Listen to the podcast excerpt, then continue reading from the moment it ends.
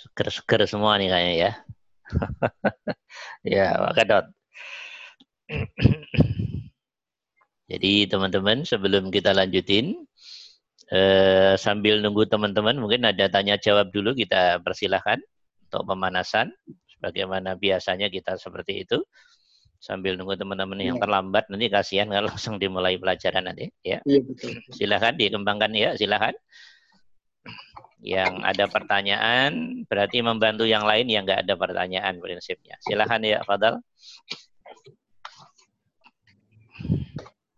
Hmm, kemarin bagaimana ya? Coba dong yang lain. Ya. Iya. Ayo silahkan. Kalau ada pertanyaan sambil nunggu teman-teman yang lain.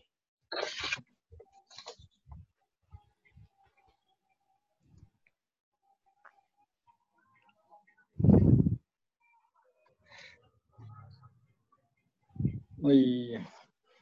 Ah. Saya mau nanya Ustaz. Ya, silahkan, silahkan. Ya. Ini silahkan, Pak Bro. Uh, ya. Agak panjang ya, Ustaz. Ya, apa-apa, mau panjang, mau pendek, nggak masalah. ya. Terserah aku takut, Pak Bro. Biar waktunya jadi panjang. Iya, silahkan, silahkan. Silahkan, silahkan. Gini Ustaz. Jadi di ayat Al-Quran dari uh, surat apa Asam ya itu yang mengenai penyempurnaan jiwa itu ya. Iya, iya, iya. Kemudian di situ ada kot aflaha manzakaha kot mandazaha. Itu kan seolah-olah itu ada peran dari kita yeah, yang yeah, yeah. untuk membersihkan dirinya mm -mm. Uh, atau mengotorinya gitu. Iya, yeah, iya. Yeah, nah, yeah. Kemudian kalau kita dengan pelajaran yang sudah disampaikan Ustadz itu, itu kan uh, peran membersihkan diri itu bukan usaha kita, tapi itu dari Allah sendiri. Iya. Yeah, nah, yeah, yeah. uh, kali ini ya surat yang pernah disampaikan itu Allahu waliyul amanu yukhrijuhum minal dhulumati ilan nur. Ya, ya. Dhulumati ilan nur dan uh, sebaliknya yang kafaru. Nah, ilan nur ya itu kan dibersihkan jadi yeah, uh, yeah, kita yeah. tidak tidak aktif di situ. Benar, benar. Nah, kemudian nah ini ini start mungkin yang perlu dibenarkan. Ini khawatirnya saya salah ini Ustaz. Iya. Jadi posisi posisi uh, yang saya pahami sekarang Ustaz, posisi mm -hmm. kita itu adalah di uh, tidak mensekutukan tadi. Jadi ada perasaan bahwa itu Allah gitu Ustaz. Jadi uh, tidak ada uh, tidak ada usaha sebenarnya itu hanya hanya merasa saja. Iya. Jadi pelakunya bukan bukan kita gitu ya. Jadi Benar. bukan usaha kita gitu. Yeah. Karena kalau dari yang disampaikan Ustadz yang lain juga itu uh, wanu kolibu afidatahum dan sebagainya itu itu benar-benar kita itu nggak punya usaha apa-apa itu Ustadz. Iya, yeah, iya. Yeah. Apakah betul seperti itu Ustadz ya? Iya.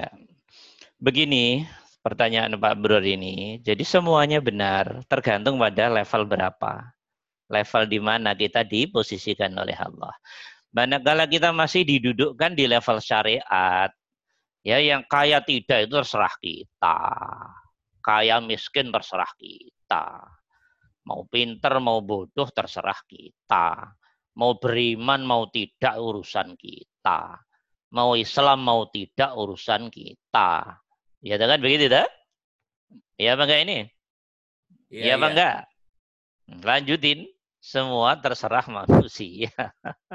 ya, mau Islam, mau tidak urusan kita kita, ya semua urusan kita. Ini juga tidak bisa disalahkan. Ini benar, benar pada zona level makom berpikir yang memang baru sampai itu. Dan ketika Allah menyapa kita pada level-level ini di Quran, Allah akan menggunakan pendekatan ini juga. Karena Quran itu kan untuk konsumsi semua level, Pak Abro. Quran itu untuk level SD sampai profesor. Nah, ketika teman-teman baca ayat ini, ayat ini untuk level yang mana nih? Harus itu yang disadari. Gitu loh Pak Bro. Jadi nggak ada yang salah. Semuanya benar. Allah sedang nyapa anak yang kurikulumnya SD SMP. Ya pakai bahasa SD SMP. Allah sedang menyapa anak-anak yang tingkat keimanan, ketakwaan, keiksanannya tingkat SMU S1 ya pakai bahasa itu. Tingkat tinggi ya berbeda lagi gitu loh. Al-Qur'an seperti itu. Nah, maka tadi benar semuanya, nggak ada yang salah gitu loh. Satu sisi ada ayat mengatakan qad aflaha mang zakkaha sungguh beruntung orang yang mau membersihkan hatinya. Ini kalau dilihat dari pemahaman kilas tekstual, berarti orang ada peran membersihkan hatinya. Kan begitu, tuh? Iya, Pak enggak? Iya, enggak, Pak Abror? Iya. Nah, orang ada kita manusia punya peran, oh aku membersihkan hati. Ada peran bikin kaya, ada peran bikin pinter. Ya benar, secara kasat mata, tampilan zohir, kamu ngalamin keluar keringet untuk biar dapat makan.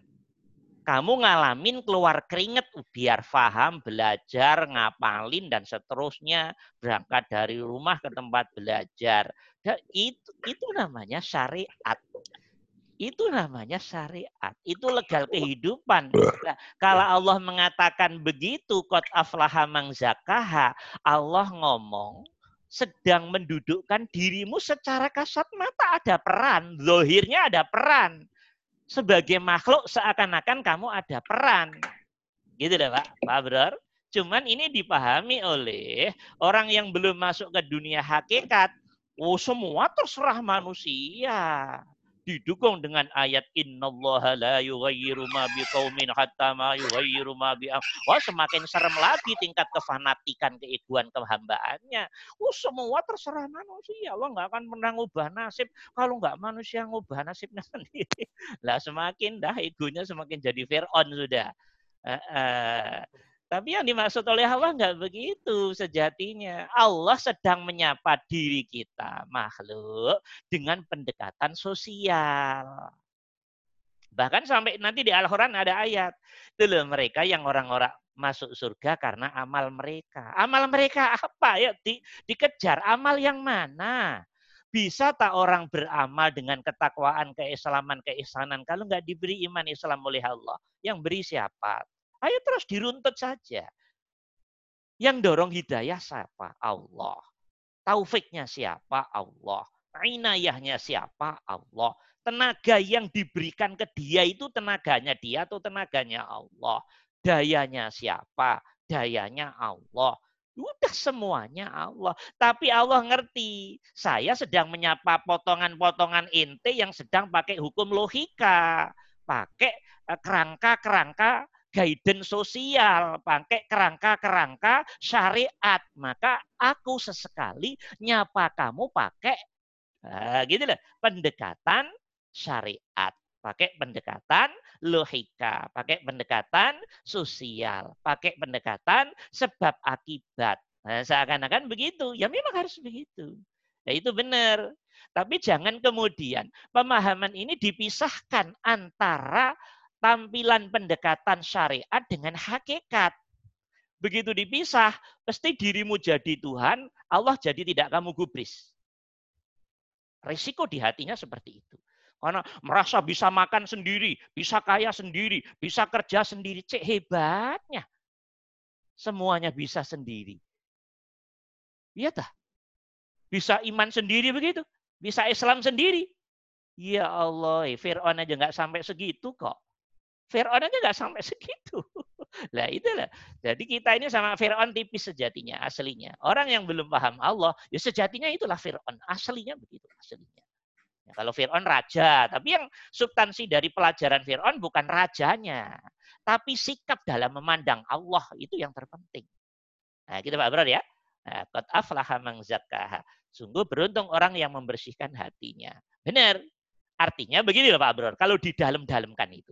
Sungguh sangat beruntung orang yang diberi rahmat oleh Allah, orang yang diberi fadl oleh Allah, orang yang diberi hidayah oleh Allah, orang yang diberi taufik oleh Allah, orang yang diberi inayah oleh Allah, yang diberi izin oleh Allah, untuk bisa membersihkan dirinya. Dirimu sendiri nggak bisa bersihin dirimu sendiri tanpa izin Allah, tanpa fadl Allah, tanpa rahmat Allah. Nggak bakalan mau dirimu tuh bangke kok.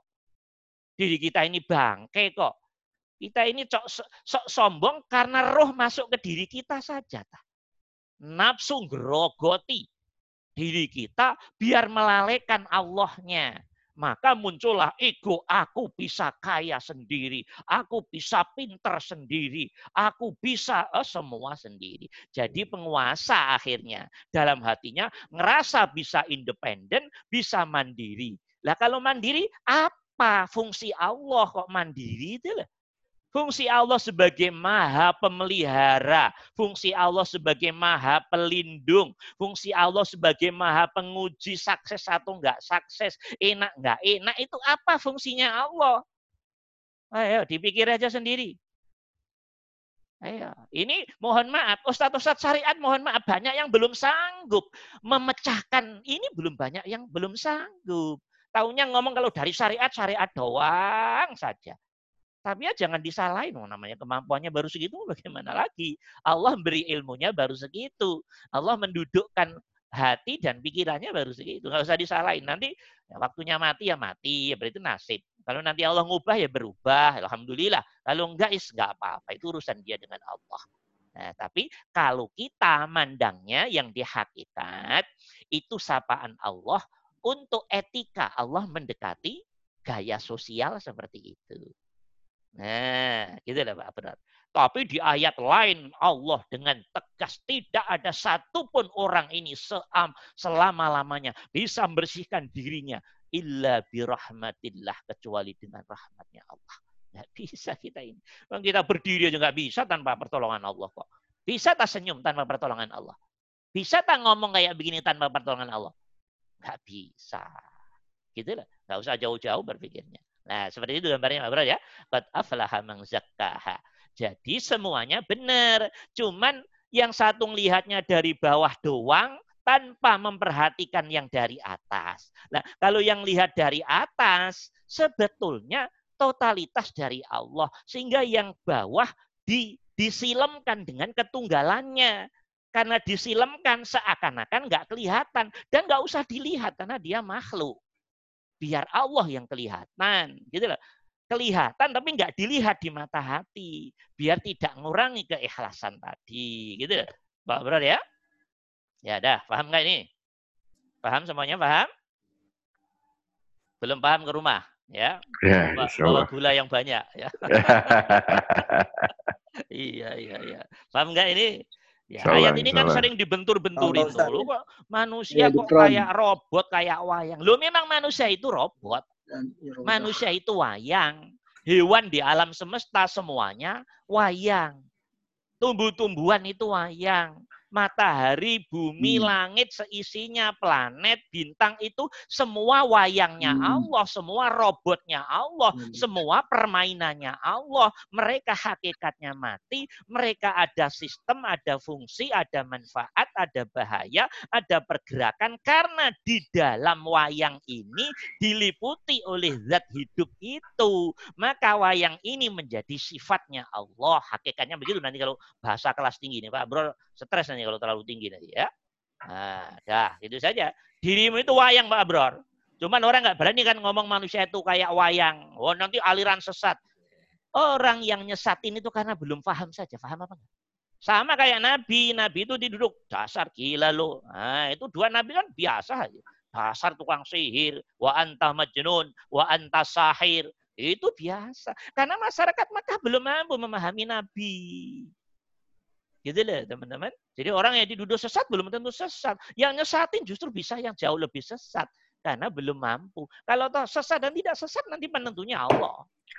Faham ya? Bisa dimengerti ini insya Allah? Pak Bro paham? Ya. Jadi yang benar yang mana? Keduanya benar. Tapi ahli hakikat jauh lebih berhati-hati dalam melihat. Karena lihatnya dari Allah. Kalau lihatnya dari makhluk itu rentan bahaya karena kita ada pada zona kekafiran, kemusyrikan, kekufuran. Sok ngerasa bisa sendiri tanpa keterlibatan Allah. Cek hebatnya itulah bisa sendiri tanpa keterlibatan Allah Sang Maha Hidup yang meliputinya. Bisa sendiri tanpa keterlibatan Allah yang ramut, yang yang memelihara, yang lindungi. Cek hebat. Itu aja di mata Allah sudah sombong kita duduk hati seperti itu. Sombongnya gitu loh. Nah gitu loh. Padahal dikasih setruk dikit itu nggak bisa ngomong apa-apa kok. Dikasih setruk bisa ngomong apa kita? Ayo, Eh segitu aja, nggak usah diskusi banyak-banyak. Nah, tuh yang hebat-hebat dikasih setruk nggak bisa ngomong apa-apa. Paling inna apa namanya la haula wala quwata illa billah. Tapi setelah setruk, itu loh, teman-teman, ya, paham ya?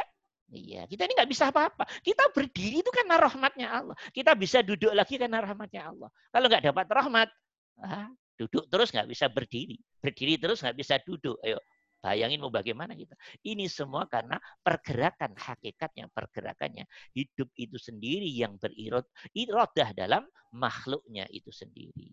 Cuman memang teman-teman harus terus belajarnya terus, lakunya terus, nggak bisa mengikuti uh, uh, pemikiran dan pemahaman ayat-ayat ini dengan kelas yang relatif sangat tinggi ini. Ya, paham ya insya Allah. Pak Abdul paham? Ya, dah. Yang lain mungkin ada pertanyaan. Kita persilahkan. Sebelum kita mulai untuk pemanasan-pemanasan dulu ya.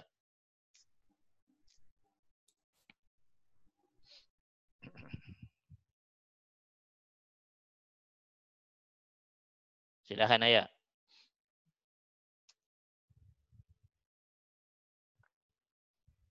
Pak Daud, Pak Yusuf mungkin? Pak Catur? Belum, Ustaz. Belum. Silahkan. Pak Laut tuh. Nunggu panas dulu Pak Dadang. Panasnya kapan? Udah panas sekali. Serius. Biar seru. Deket kompor tuh panas. Habis makan kenyang ini nih. Ya, kasih kompor samping badannya tuh biar panas. Dapur main. Ya. ya. Yang lain mungkin sudah bersilahan. Pak Wahyu mungkin Pak Wahyu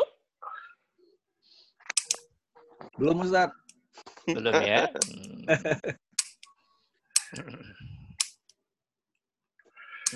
Pak Gatot.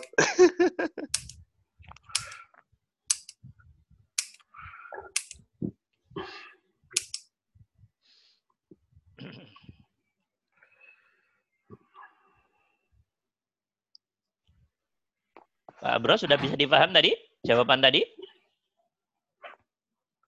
Ya, iya Ustaz. Jadi Iya. eh, ya, memang kalau kalau kita memahami yang yang tadi dari peran kita itu begitu baca ayat-ayat banyak kebentur-bentur Ustaz. Jadi Iya. pusing. Tapi kalau dari penjelasan yang la ilaha illallah bahwa kita ada di roso itu itu lebih fluent. Jadi kayak nggak berbenturan. Bisa kena semua. Ya itu berarti Pak Abrol sedikit banyak sudah mulai diberi aliran rasa. Sudah bisa memahami itu. Ketika agama nanti sudah nggak benturan, ya ketemu di satu titik, ya itu berarti sudah mulai dijawab step by step oleh Allah. Kalau masih main logika, main ini sosial, benturan hampir ayat satu dengan yang lain itu benturan semua. Ya begitu memang. Karena belum ketemu aslinya, belum ketemu kebenarannya belum ketemu. Ya, masih logika dia, masih di luar, masih kulit, masih kulit. Ya. Itulah susahnya memahami Al-Quran itu. Sementara Al-Quran itu kulit dan dalam aslinya nggak bisa dipisahkan. Cuman yang memahami, yang pilih kulit, kulit doang. Ya, itu yang repot. Yang benar lewat dalam, insya Allah kulitnya kena. Gitu loh. Tapi nggak mungkin bisa lewat dalam kalau nggak lewat kulit dulu kan itu yang jadi repot itu. Ya. jadi harus Iya. harus lewat kulit-kulit dulu juga gitu. ya, oke ya. ya, Iya, silakan iya, silakan. Ayo. Ya, ada lagi pertanyaan? Pak Syafruddin baru masuk nih. Ya, Pak Assalamualaikum, Pak Bu Safruddin. Asri Setiawati. Ya, Alhamdulillah, silahkan yang mau bergabung untuk sama-sama belajar, untuk bergabung teman-teman di Al-Azhar yang ada waktu untuk kajian, tadbik ayat-ayat tauhid, pemahaman ayat-ayat biar semakin bagus agamanya.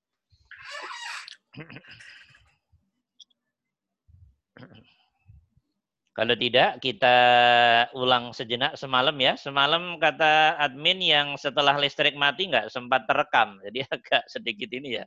Nggak, Betul, nggak- betul, nggak- betul, nggak sempat betul. terekam karena ada kesalahan Hmm. teknis di pihak admin. Jadi saya tanya tadi kok nggak ada rekamannya. Oh iya yang setelah listrik mati tidak terekam. Nah, Oke. Eh, coba Bismillahirrahmanirrahim. Eh, kita tengok eh, semalam itu Ali Imran ya 191 belum tuntas ya, belum tuntas. Ya. belum tuntas semalam itu. Inna fi khalqis samawati wal ardi wa ikhtilafil laili wan nahari la ayatin li ulil albab alladzina yadhkuruna Allah qiyaman wa qu'udan wa 'ala junubihim wa yatafakkaruna fi khalqis samawati wal ard. Titik dan seterusnya. Nah, coba ayo diterjemahkan pelan-pelan bareng-bareng ayo. Sungguh Sungguh di di dalam di dalam penciptaan langit, Penciptaan langit dan bumi. bumi. Terus dan pergantian, terjadi pergantian malam dan siang, malam dan siang. sungguh menjadi tanda kekuasaan kebesaran Allah bagi siapa? Ulul Orang-orang yang berakal. ulul albab. Ulul albab ini di sebagian terjemah orang yang punya akal. Di sebagian lagi orang yang punya hati maksudnya punya hati itu mata hatinya sudah tidak buta. Gitu loh. Punya akal doang mikir doang hatinya buta banyak. Einstein Einstein ahli matematika dunia yang terkenal itu dia akalnya luar biasa excellent. Penelitian ilmiahnya di bidang apa saja luar biasa. Tapi dengan akalnya yang luar biasa apakah dia menjadi ulul albab? Bukan enggak Einstein, Karl Marx, Lenin, itu McDonald, tokoh-tokoh yang hebat-hebat itu bukan termasuk ulul albab.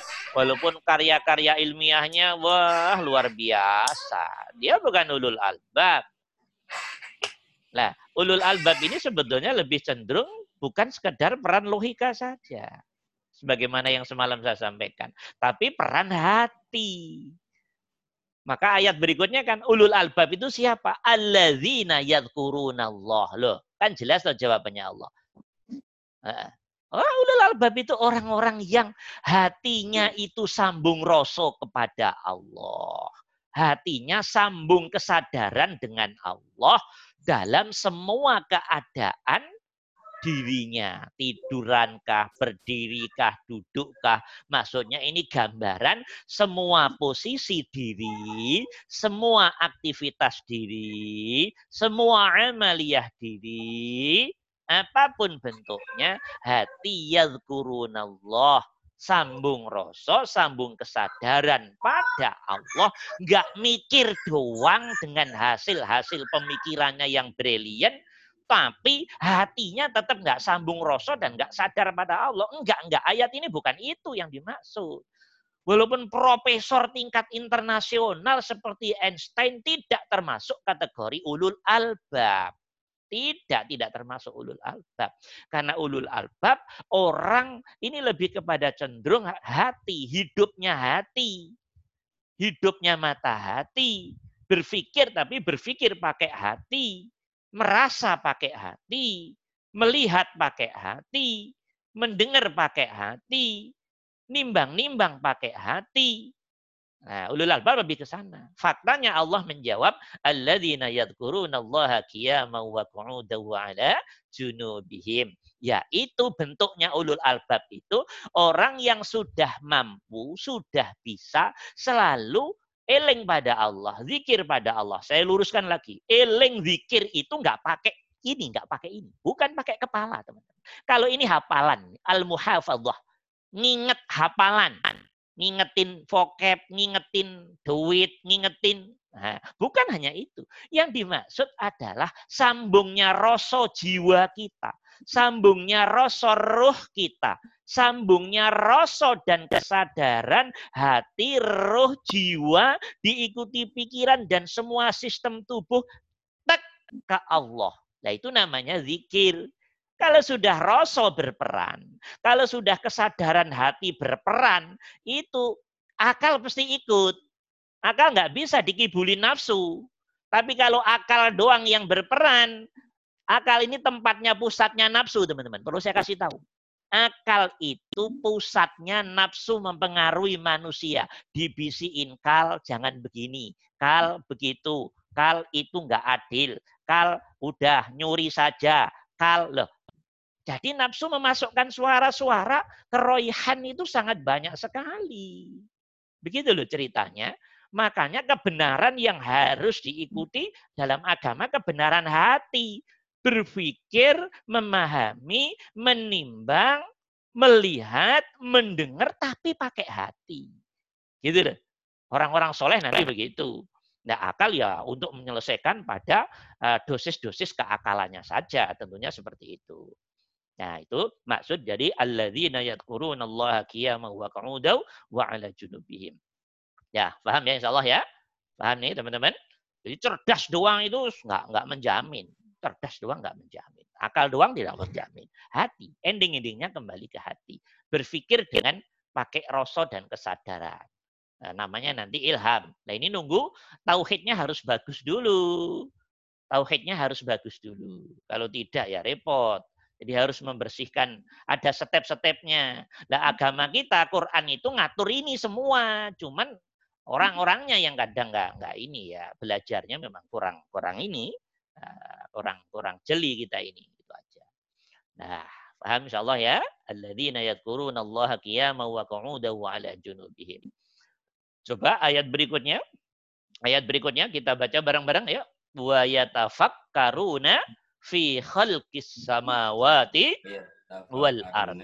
Apa yatafakkaruna itu apa artinya? Berpikir. Ya, tafakaruna itu apa artinya? Masa vocab begitu aja lupa? Memikirkan. Nah, Pak Bro aja bisa, Pak Dada nggak bisa gimana? Oh. ya, biasanya Pak Wahyu, Pak Daud agak bisa biasanya. Iya. Lupa di silent. Iya. Alasan aja alasan. Ilmunya pada adang, Stat. Iya, iya nggak di mood. Iya, ya jelas. Sekali-kali memberi kesempatan Pak Abror lah ya. Iya, betul. Iya, oke ya. Wa yatafakkaruna itu berpikir, berpikir ya berpikir, berpikir. Ya, tentunya di sini berpikir dengan peran hati juga diperkuat dengan pikiran tadi, akal tadi. Wa yatafakkaruna fi khalqis samawat wal ard. Ya, terjemahkan mudah itu ya. Dan mereka ulul albab itu alladzina Allah tadi selalu apa? Berpikir, merenung, berpikir ya. dalam tentang apa? Penciptaan tentang langit apa? dan bumi. Penciptaan, Penciptaan langit dan bumi. bumi. Sekarang teman-teman saya tanya. Teman-teman lihat langit, lihat bumi, lihat bulan, lihat bintang, itu kan terkombinasi uh, lihat planet, lihat angin, lihat air, lihat semuanya alam semesta tanpa kecuali. Berpikir toh? Ya. Berpikir. Nah, tapi nggak selalu ya toh? Hmm, Artinya nggak selalu ya, berpikir dengan logikanya. Ya belum tentu selalu berpikir. Banyak kosongnya kalau kita teliti. Itu soal berpikir. Nah, hmm. yang dimaksud berpikir oleh Allah ini Walaupun kamu jam-jaman puluhan jam berpikir tentang bumi, tentang matahari, tentang pergantian malam siang dalam analisa ilmiahmu, hingga menjadi karya ilmiah yang berkelas dunia kamu hasil pemikiran tentang penciptaan-penciptaan itu. Tapi kalau hasil penciptaan itu endingnya tidak tembus kepada ketemu Allah, ya itu tidak termasuk wayat tafakaruna yang dimaksud oleh Allah ini. jadi pinter tapi bagi dia menjadi istizrat, menjadi Hmm. pengelulu untuk nyesatin dia. Ngerti Hmm. nggak maksud saya? Maka mohon maaf, seperti Einstein, ya banyak tahu membaca buku-bukunya Einstein, dia mengatakan hidup ini nggak ada yang buat kok. Alam semesta ini nggak ada yang membuat. Berjalan ada dengan sendirinya, berjalan dengan sendiri, dan nanti hancur dengan sendirinya. Sama dengan pemikirannya Karl Marx, sama dengan pemirik pemikirannya Lenin, sama dengan pemikirannya tidak eh, penemu apa namanya DNA itu siapa itu Profesor Doktor siapa. Dalam pemikiran dia, dalam analisa dia, dalam eh, apa namanya kajian-kajian dia tentang eh, pengetahuan-pengetahuan menyimpulkan menyimpulkan nggak ada itu yang namanya Allah nggak ada pencipta alam itu nggak ada. Nah, Hmm. kalau terjadi seperti ini gimana? Nah, itu pinter dengan akalnya, tapi tidak termasuk ulul albab.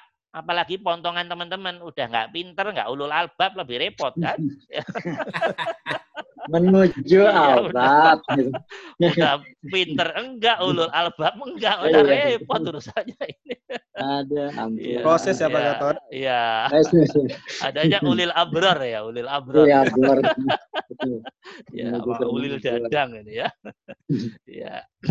ya, jadi sepinter apa pun logikanya, akalnya, pikirannya, merenung, mencip, me- memikirkan ciptaan-ciptaan alam semesta ini, tapi tidak sampai ke rasa dan kesadaran, keyakinan tentang Allahnya tadi, maka itu di mata Allah hangus, nggak ada apa-apanya. Itu namanya istizrot. Apa namanya dari? Istizrot. Pengelulu dari Allah.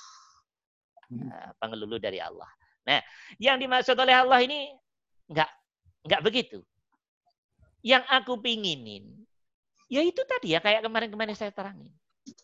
Kamu melihat apa pun alam semesta ini, ya, mendengarkan apa pun alam semesta ini dalam waktu yang cepat, sedang atau lambat, dan kalau sudah sempurna dalam waktu yang cepat, secepat mungkin. Alam rasa dan sadarmu langsung ada kehadiran kepada Allah, kesadaran pada Allah. Tentang ya Allah, ini engkau ya Allah. Begitu deh. Karena penglihatannya nggak berhenti pada zohirnya makhluk melihat matahari. Tugas melihat mata zahir kan melihat mataharinya tah. Kalau matahari fisiknya matahari rak makhluk tah. Tapi di dalam matahari itu siapa? Saya tanya. Ayo, kok matahari bisa menjadi pusat energi dengan panasnya? Dunia ini teman-teman saya kasih tahu, nggak ada matahari hitungan sekejap semua beku, berarti mati semua sealam semesta ini. Nggak akan yang ada yang hidup satu pun, termasuk satu virus pun.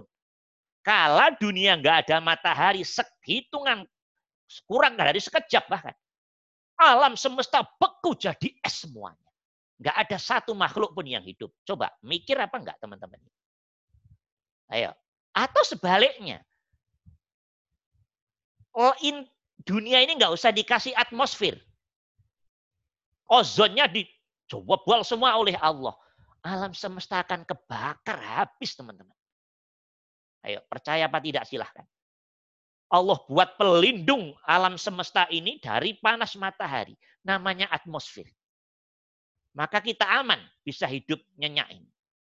Kalau atmosfer dihilangkan oleh Allah, mohon maaf, alam semesta terbakar habis oleh matahari. Karena panasnya jutaan derajat Fahrenheit. Yang itu kita nggak pernah berpikir dengan baik dalam hal itu. Mikir apa enggak? Itu yang ngatur siapa? Potongan-potongan kita gitu, yang ngerasa sok hebat-hebat itu. Hebat apanya? Ngerosot doang, sombong doang kok kita ini. Nggak ngerti peran Allah kita ini. Cobalah nggak atmosfer itu dibocorin berapa kilo aja udah dirimu udah nggak jadi apa-apa. Nama Daud sudah hilang, nama Abror sudah hilang dari dulu. Paham apa enggak? ya pada nggak paham-paham ini. Ya, mengerti ya? Jadi di matahari itu ada apa? Matahari bisa begitu karena diliputi zat hidup.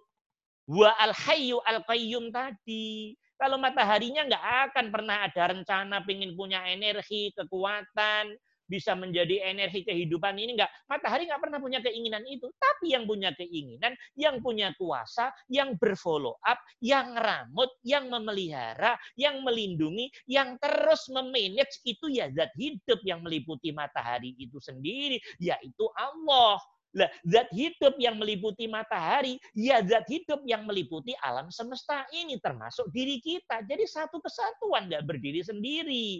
Karena satu, karena tunggal, nggak ada lainnya. Itulah namanya ahad. Itulah namanya Allah. Jadi alam semesta ini nggak mungkin ada kalau nggak diliputi wujud sejati, yaitu zat hidup itu sendiri. Zat hidup yang meliputi setiap makhluknya. Hatimu hadir nggak di situ? Hadir apa enggak hati saat melihat matahari seperti itu? Saat melihat bulan, saat melihat bintang, Masya Allah. Coba kalau tidak mendung, triliunan bintang di atas bertebaran luar biasa. Di mana hatimu? Melihat bintangnya atau melihat zat hidup yang meliputi bintang yang jumlahnya enggak kehitung itu? Hatimu hadir di mana? Di makhluknya apa di Allahnya? Zat hidupnya itu tergantung dirimu masuk kategori ulul albab atau yang buta mata hati. Monggo, terserah masing-masing itu. Terserah masing-masing. Lah, yang dimaksud Allah, kalau Allah ingin awalam yasiru, kamu tiap hari, tiap detik, tiap nafas jalan di bumi kok. Kenapa sih nggak paham-paham aku, kata Allah. Nggak ngerti aku terus. Nggak bisa melihat aku.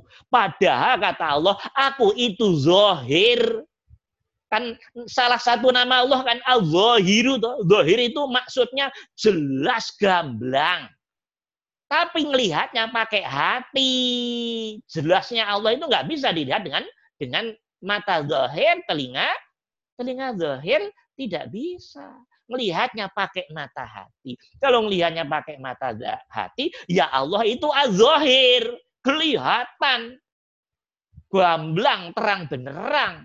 Kala hatimu bukan melihat mataharinya, tapi melihat kesadaran rasa zat hidup yang meliputi, menguasai, memelihara, melindungi, ngeramut, yang memanage matahari itu. Zat hidup yang memanage dirimu, yang menguasai dirimu, yang mengendalikan dirimu, yang me, apa namanya memelihara dirimu. Itu bukan bukan jalan sendiri-sendiri. Semua dengan irodah dan kudroh kesempurnaan Sang Maha Hidup tadi. Karena saking besarnya, maka dirimu susah memahaminya. Gitu loh. Saking besarnya, tak terhingga ini, dirimu susah memahaminya. Wong memahami dirimu aja nggak pernah ketemu-ketemu kok. Nah, di sini sementara syarat untuk sampai kepada Allah untuk menjadi ulul albab kan harus bisa memahami diri sendiri dulu. Kan harus bisa mengenal diri sendiri dulu. Harus bisa mengerti diriku ini siapa, aku ini siapa sejatinya. Harus. Jadi Allah, teman-teman, menyembunyikan dirinya di balik diri kita. Gitu loh, ngerti apa enggak? Allah menyembunyikan dirinya di balik semua tampilan makhluknya. Maka hadisnya ngomong man arrafa nafsahu faqad arrafa rabbahu. Siapa pun yang bisa mengenali dirinya dengan baik lewat hatinya, telinga hati, mata hati, mulut hatinya, pasti dia akan ketemu Allah. Tapi syaratnya kata Allah harus lewati dirimu dulu dong. Kalau dirimu belum kamu lewati siapa sejatinya dirimu, ya kamu nggak akan bisa ketemu rahasia yang ada di dalam dirimu. Ini loh, tolong cermati hadis ini. Man arrafa nafsahu faqad arrafa rabbahu. Man, siapa pun juga, barang siapa. Arrafa, yang telah mengenal, mengerti, memahami, tahu persis nafsahu tentang seluk-beluk dirinya. Nah, teman-teman lihat, dirimu itu siapa sejatinya. Lahir siapa yang lahirin? Ayo. Lahir bisa apa? Di kandungan kayak apa? Dari setetes mani, Nur Muhammad kayak begitu. Berproses sembilan bulan seperti itu. Lahir kayak apa? nggak bawa apa-apa, nggak bisa apa-apa. Semakin gede, semakin gede oleh Allah, dibuat gede, gede, gede, diramut oleh Allah. Nah, teman-teman melihatnya orang tua yang ngeramut orang tua, bukan sejatinya yang ngeramut Allah. Zat hidup yang meliputin orang tuamu itulah Allah yang ngeramut, yang ngidupin, yang memelihara diri kita. Itu zohirnya syariat namanya orang tua. Zohirnya syariat. Zohir ilmu kehidupannya yang ngidupin anak siapa? Orang tua. Ya benar. Kadang lihatnya dari zohir. Tapi di dalam orang tuamu itu, di dalam bapakmu, bap, ibumu, bapak ibu kita, di sono ada zat hidup, teman-teman. Zat hidup yang mengendalikan bapak ibumu yang sehingga bapak ibumu bisa ngeramut diri kita sampai gede, gede, gede, gede ini. Itu perannya hidup. Cuman kalau diri kita melihat makhluknya, ya yang ngeramut kita adalah orang tua. Kalau melihat secara hati, yang ngeramut kita Allah. Tapi kalau melihatnya udah Allah, pasti orang tua masuk di dalamnya. Jadi tidak paham apa enggak? Nah, tergantung teman-teman melihatnya dari mana. Dari mana? Kalau melihatnya dari makhluknya, ya baru ketemu makhluk. Kalau melihatnya dari dalamnya, ketemu makhluknya, eh, tapi makhluknya sirna, hilang, kelihatan Allahnya. Nah, seperti itu gambarannya.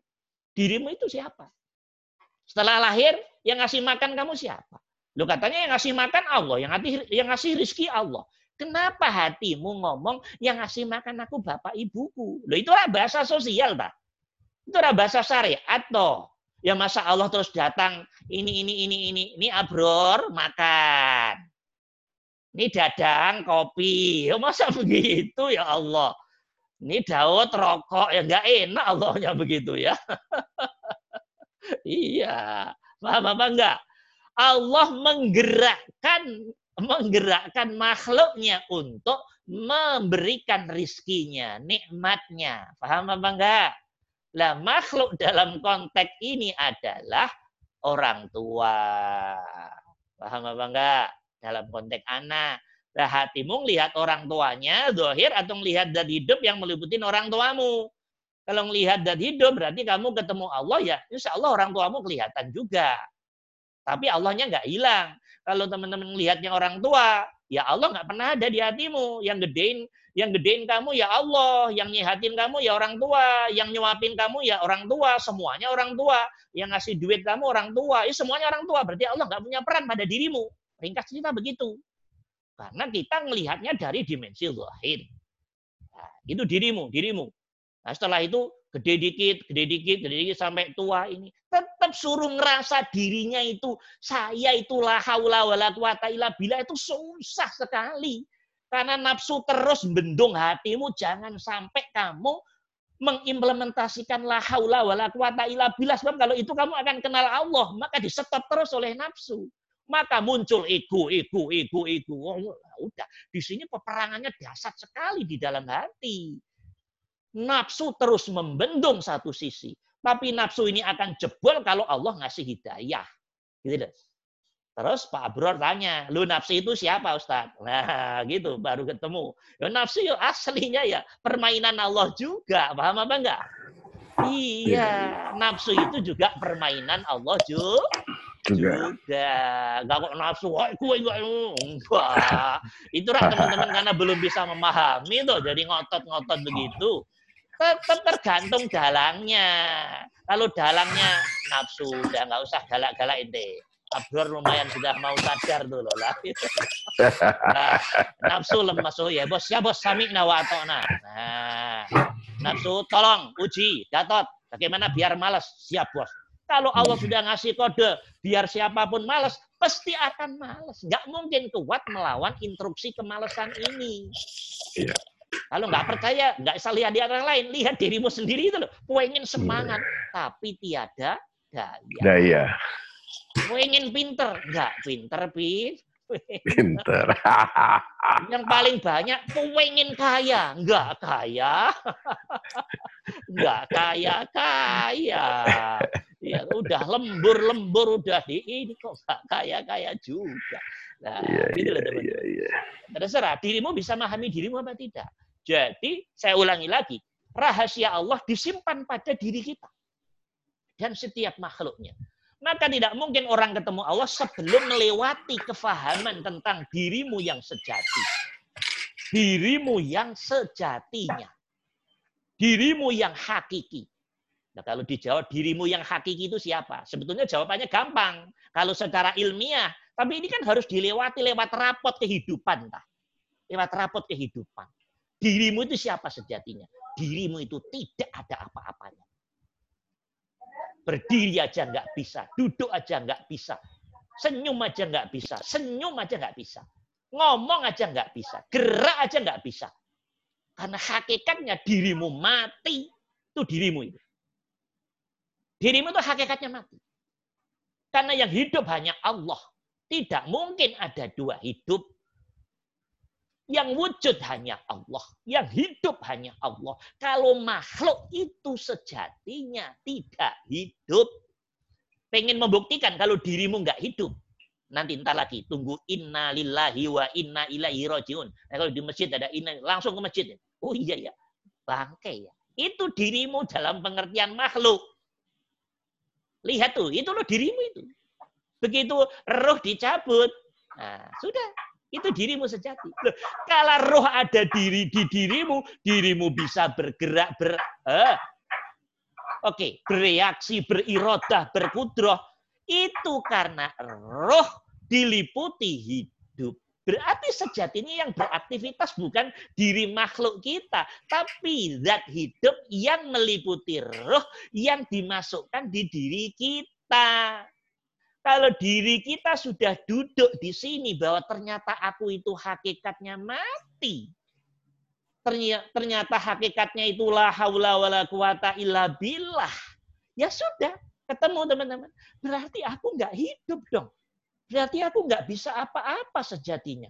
Berarti aku bukan siapa-siapa. Dan wah, kalau sudah total pengakuannya, berarti hidup yang yang ada pada diriku bukan hidupku, tapi ini hidupnya Sang Maha Hidup loh. Kalau hati sudah mulai ngomong begini nih, dengan rasa dan kesadarannya total, itu berarti dirimu sudah mulai kenal dirimu sendiri. Hati lo yang ngomong ini, hati lo, mata hatimu, telinga hatimu, mulut hatimu lo yang akui ini bukan mulut ini. Mulut dohir tiap hari sih la haula wala quwata illa billah kok. Kehilangan sandal aja ngomel kok. Ya toh? Tiap hari mulut la ilaha illallah kalau mulut. Tapi eh, bangkrut dikit aja udah bagaimana sikap hatinya pada Allah. Ya, Cepet. Hmm, mulut sih la ilaha illallah.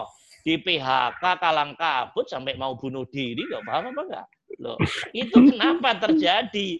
Karena ngomongmu ngomong mulut, bukan pakai lisanul qalb, bukan hati yang ngomong. Kalau hati yang ngomong siap sami'na wa atokna. Begitu zahiran wa batinan benar-benar siap ya Allah. Kalau engkau memberi rizki yang deras Masya Allah. Kalau kayak keadaan sekarang ya Allah. Boro-boro nyari utang aja susah ya Allah. Siap ya Allah. Sami'na wa atokna. Engkau sedang menguji hambamu ini ya Allah. Yang sejatinya la haula wa la quwata illa billah. Tidak ada daya dan kemampuan sedikit pun ya Allah siap dia sudah. Itulah ahlu tauhid yang sudah final keyakinannya tentang Allah bahwa semua hakikatnya ya Allah itu sendiri. Nah, gitu loh teman-teman. Bisa dimengerti ya?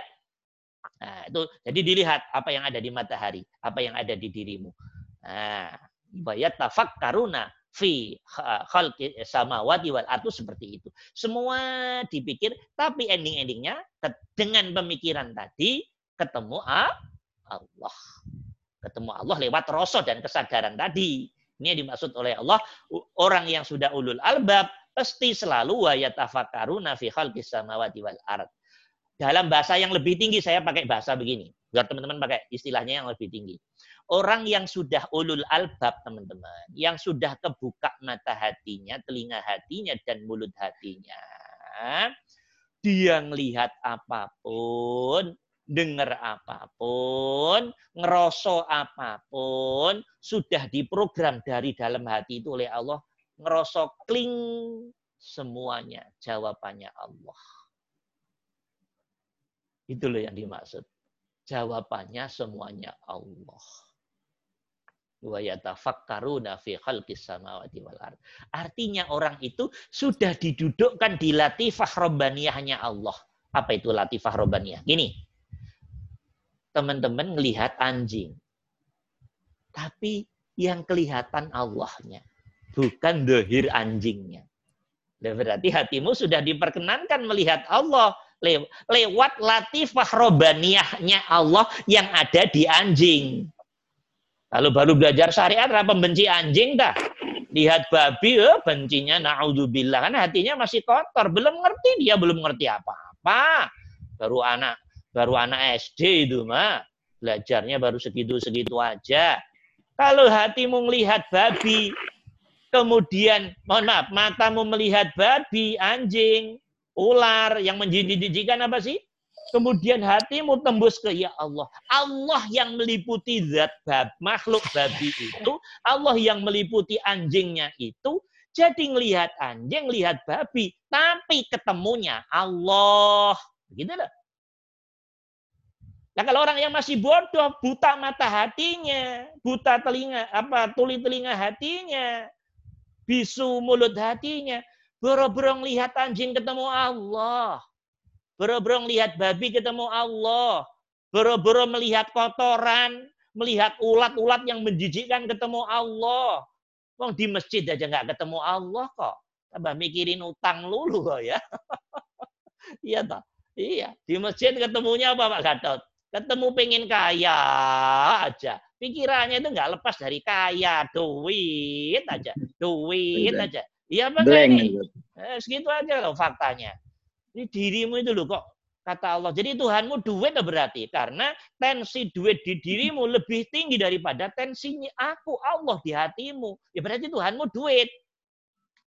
Maka nanti kalau mati man buka, robi duit. Hmm, Fulus. Pikirannya hatinya fulus terus. Jadi sehari semalam mikirin duit 10 jam. Allah boro-boro setengah jam. Nah, yang begitu-gitu nanti begitu ditanya mungkar nakir, man rebuka, robi duit gitu. Repot-repot banget. Aduh. Ya, dah, paham apa enggak nih? Jadi uh, inti sesuatu yang menjadi mahkota hatimu, ya itu sejatinya Tuhanmu. Karena Tuhan ha, pasti didudukkan yang paling tinggi di hati. Nah, siapa, rasa apa yang menduduki uh, rasa tertinggi di hati? Yaitu sejatinya Tuhanmu. Paham apa enggak? Rasa yang mendominasi hatimu duit terus. Ya Tuhanmu duit. Gitu aja kok. Repot-repot. Istri, Ustaz. Oh istri terus. Ya, berarti Tuhanmu istri. Istri. Ya. Berarti apa enggak? Suami terus Ustaz cemburuan. Oh udah. Ya. ya udah berarti Tuhanmu suamimu itu udah. anak terus tadi ya Allah dirimu disiksa oleh neraka anak. Dirimu disiksa oleh neraka yang namanya suamimu. Dirimu disiksa oleh neraka yang nama istrimu yang nama eh, semua macam-macam itu semuanya bisa menjadi neraka semua tak. Nah, kalau memang kita ini kenal diri dan diri itu enggak ada apa-apa, semuanya yang ada apa-apa Allah, berarti mestinya kan Allah yang harus tertinggi di alam rasa hati kita, di alam sadar kita. Allah menjadi mahkotanya mahkota di hati kita. Raja di raja di hati kita. Pasti begitu, itu baru tauhidnya benar. Baru tauhidnya benar. Ini urusan rosot, teman-teman. Ini urusan kekesadaran. Maka nanti orang teman-teman kalau tauhidnya sudah jadi, gambar istrimu itu di hati di, dibuang oleh Allah. Nggak laku lagi. Ini saya kasih tahu aja sekalian. Para istri, para suami yang nggak usah eh, biar nggak tanggung-tanggung tauhidnya sekalian. Jadi istri suami tetap dikeluarkan dari hati oleh Allah. Ngapain ente tinggal di hati. Yang tinggal di hati harus Allah saja. Hayu. Al Hayyu saja. Istri suami untuk sambil-sambilan di luar sana. Paham apa enggak? Gitu loh. di luar di luar hati maksudnya. Gitu loh. Jangan salah pada ada. Nanti padahal iya. salah lagi nangkepnya nih. Karena. Su, su, sekarang suamimu belum tentu besok suamimu. Betul. Sekarang suamimu Nah, belum tentu tahun itu. depan suamimu. Sekarang istrimu belum tentu minggu depan istrimu. Kita nggak tahu hari esok. Wah, itu permainan Allah semua. I, ringkas cerita itu makhluk. Allah. Saya begitu. Saya canda saja, jangan serius-serius banget ya. Saya Iya. canda saja. Intinya Jangan suami, tegang, istri, anak, harta itu makhluk. Garis bawah Pak Daud, garis bawah. Karena makhluk tidak boleh mengalahkan kholik. Tidak boleh mengarahkan raja. Rakyat ngarahin, ng- ngalahin raja bagaimana? Yang jadi raja kan Allah. Nah kalau yang jadi raja Allah, yang tertinggi duduk di mahkota hatimu, di alam rasa dan sadarmu dan pikiranmu, harus Allah. Gitu loh, nanti praktek di hati kalau sudah jadi seperti itu teman-teman. Istri ya istri, tapi di hati nggak ada. Suami ya suami, di, di hati nggak ada. Karena di hati penuh total dikuasai rasa dan kesadaran ah, Allah. Allah. Allah. Ini yang dimaksud kalau cinta ya cinta karena Allah.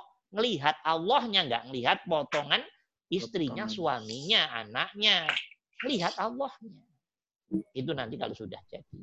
Paham ya teman-teman? Insya Allah. Ya, ini maksud. Wah ini kalau dikembangkan sangat luas sekali teman-teman. Sangat-sangat luas sekali. Tinggal masalahnya hati ini kapan dibuka oleh Allah sehingga bisa menjadi ulul albab yang bisa mengimplementasikan alladzina yadhkuruna Allah qiyaman wa qu'udan wa ala junubihim ini wa yatafakkaruna fi khalqis samawati wal ard. Dah, titik. Bentar, santai dulu. Eh, minum-minum dulu, minum dulu. Silahkan. Yang ngopi ngeteh, silahkan. Yang ngerokok tapi di rumahnya sendiri silahkan ya. Ya.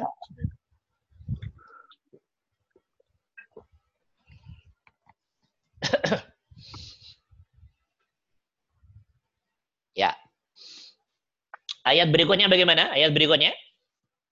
Rabbana. Ya, kita lihat tagnya ya. Rabbana. Rabbana ma khalaqta Rabbana. hadza batilan Ma khalaqta hadza batila. batilan Subhanaka faqina azaban nar. Rabbana artinya Rabbana. Mudah-mudah ya. Ya Tuhan. Ya, wahai Ya Tuhan, Tuhan kami. kami. Ya Tuhan kami. Rabbana. Ini aslinya lengkapnya ya Rabbana. Yaknya dibuang oleh Allah. Yaknya dibuang. Sudah dianggap pinter bahasa Arab. Dianggap tapi. Tapi ternyata Ya. nggak pinter juga. Kelihatan yaknya dibuang, baknya di fathah. Baknya Ba- di fathah. Ya Rabbana. Nah, harus harus harus pinter dulu Pak. Pak Kadot. Ya, diceritain belum ngerti Pak Kadot nanti ya. Ya Rabbana, wahai Tuhan kami. Jadi terjemahkannya harus pakai wahai. Karena aslinya ya Rabbana, yaknya dibuang, tapi baknya difatah oleh Allah. Ya Rabbana. Nah, ma khalaqta. Khalaqo apa artinya, teman-teman? Khalaqo apa artinya? Cipta. Cipta. Cipta. Ya. Tanya ini kamu toh? Tak kamu Tanya toh? kamu. Ya, Kamunya siapa ini? Tanya ini kamunya siapa? Allah. Itu. Oh, Allah. Kamunya Allah. Ma itu artinya apa? Ma di sini. Tidak artinya. Tidak. Ini kalimat Tidak. nafi, kalam manfi. Pelajaran kita semua ini. Ma khalaqta. Engkau tidak menciptakan ya Allah. Hadza. Hadza itu ya Hadza. ini. Ini apa? Ini. Wah ini semua alam semesta ini. Ya, Dalam konteks ini langit, bumi, pergantian siang malam, itu sampling aja. Ini semuanya tanpa kecuali. Mau nyetak apa saja. Menyetak virus corona, semua semua masuk kategori nggak ada yang batil. Batil itu sia-sia. Sia-sia. Semua apa yang diciptakan oleh Allah di alam semesta ini nggak Tidak ada ada yang sia-sia. Ya. Ya, kenapa? Karena saling melengkapi antara satu dan yang lainnya. Allah punya maksud untuk menyampaikan suatu maksud kan perlu sistem tah. Kan perlu cerita tah. Kan perlu sebab akibat tah. Sebab akibat, teman-teman, dari satu peristiwa, sabab musabab, sebab ketabrak karena lengah. Lah, sebab dia kaya sebab rajin. Rajin. Dia pinter karena dia ra- Belajar. rajin. Belajar. Nah, dan seterusnya. Tapi orang sering kejebak di sebab akibat ini. tidak pernah masuk zona yang lebih dalam. Siapa pencetak sebab akibat ini? Lah inilah kelemahan kita tuh di sini. Begitu kaya di Jakarta baru, oh Anda Masya Allah berhasil. Oh iya saya, wow, strategi ininya luar biasa. Koneksi saya ini, ini, ini, ini, ini. Wah, ya dah, ngakui dirinya. Hmm, Masya Allah. Ini ini Fir'aun uh, tahun modern, ini Fir'aun tahun modern. Ini. Ya Allah, kapan dirimu duduk yang benar tentang Allah? Nah, itu loh teman-teman. Bisa dimengerti maksud saya ini? Rabbana ma khalaqta hadza batila. Jadi sebetulnya orang bisa pinter karena rajin, rajin itu yang ngasih Allah. Paham apa enggak? Tapi yeah. kalau dikasih rajin, ngerasa sombong, ngerasa hmm. sok, ngerasa bangga, ngerasa sok paling keren, berarti rajin dan pinternya menjadi istizrat pengelulu bagi dia dari A Allah. Pinter tapi penghuni neraka paling duluan. Paham apa enggak nih? Allah cara ngelihatnya begitu. Dikasih nggak pinter, ya sebetulnya nggak begitu rajin. Ada yang nggak pinter tapi rajin. Ada banyak. Ada yang nggak udah nggak pinter nggak begitu rajin, lebih banyak lagi. Ya. tapi nggak pernah sombong. Koma aja deh, di koma jalan aja. Sombong, nggak pernah bangga. Loh, itu lah. Lah ini yang Allah Allah pasang model seperti ini juga. Ini semua yang lihat, yang membuat model ini semua Allah. Sebab akibat ini semua yang memainkan adalah Allah. Allah. Cuman diri kita kebiasaan hanya ngelihat tampilan sebab aki sebab aki akibat. akibat. Gitu loh. Ada mobil jalan di tol, tahu-tahu ditabrak dari belakang. Nggak tahu yang di belakang ngalamin apa. Akhirnya yang di depan yang ditabrak padahal jalannya udah hati-hati sekali, apa namanya sangat eh, hati-hati uh, di tepi dan tidak cepat. Ya, tapi Allah memutuskan dia harus mati dari mobil belakangnya itu. Entah sebab ngantuk, ceroboh, atau ada mobilnya kena paku, atau kepleset. Itu sebab ini di, sudah diatur oleh Allah sedemikian rupa, hal sekecil apa pun. Paham apa enggak? Cuman secara syariat kan hanya melihat, oh mobil depan ditabrak oleh yang belakang, dan yang belakang dinyatakan Allah. salah. Kan hanya begitu, toh? Iya apa enggak ya. ini? Iya, ya, ya. Hati nggak sampai bahwa ini rekayasanya Allah. Harus terjadi detik ini, jam ini, hari ini, tahun ini. Orang yang di mobil depan, berapa orang mati dengan sebab mobil yang di belakang. Orang yang belum terbuka mata hatinya, ngelihatnya, oh ini yang nabrak si A. Orang yang ahli marifah sudah ngerti. Yang nabrak zat hidup yang meliputi mobil yang di belakang tadi. Paham apa enggak? Paham apa enggak? Dan hidup yang meliputi sopir yang mobil di belakang tadi loh. Karena dat hidup pengen sebabnya ngantuk, maka sopirnya dibuat ngantuk. Paham apa enggak? Karena dat hidup pengen sebab akibatnya kena paku, ya harus mobilnya kena paku dan nabrak mobil depannya semobil mati semua bila bila Allah menghendaki.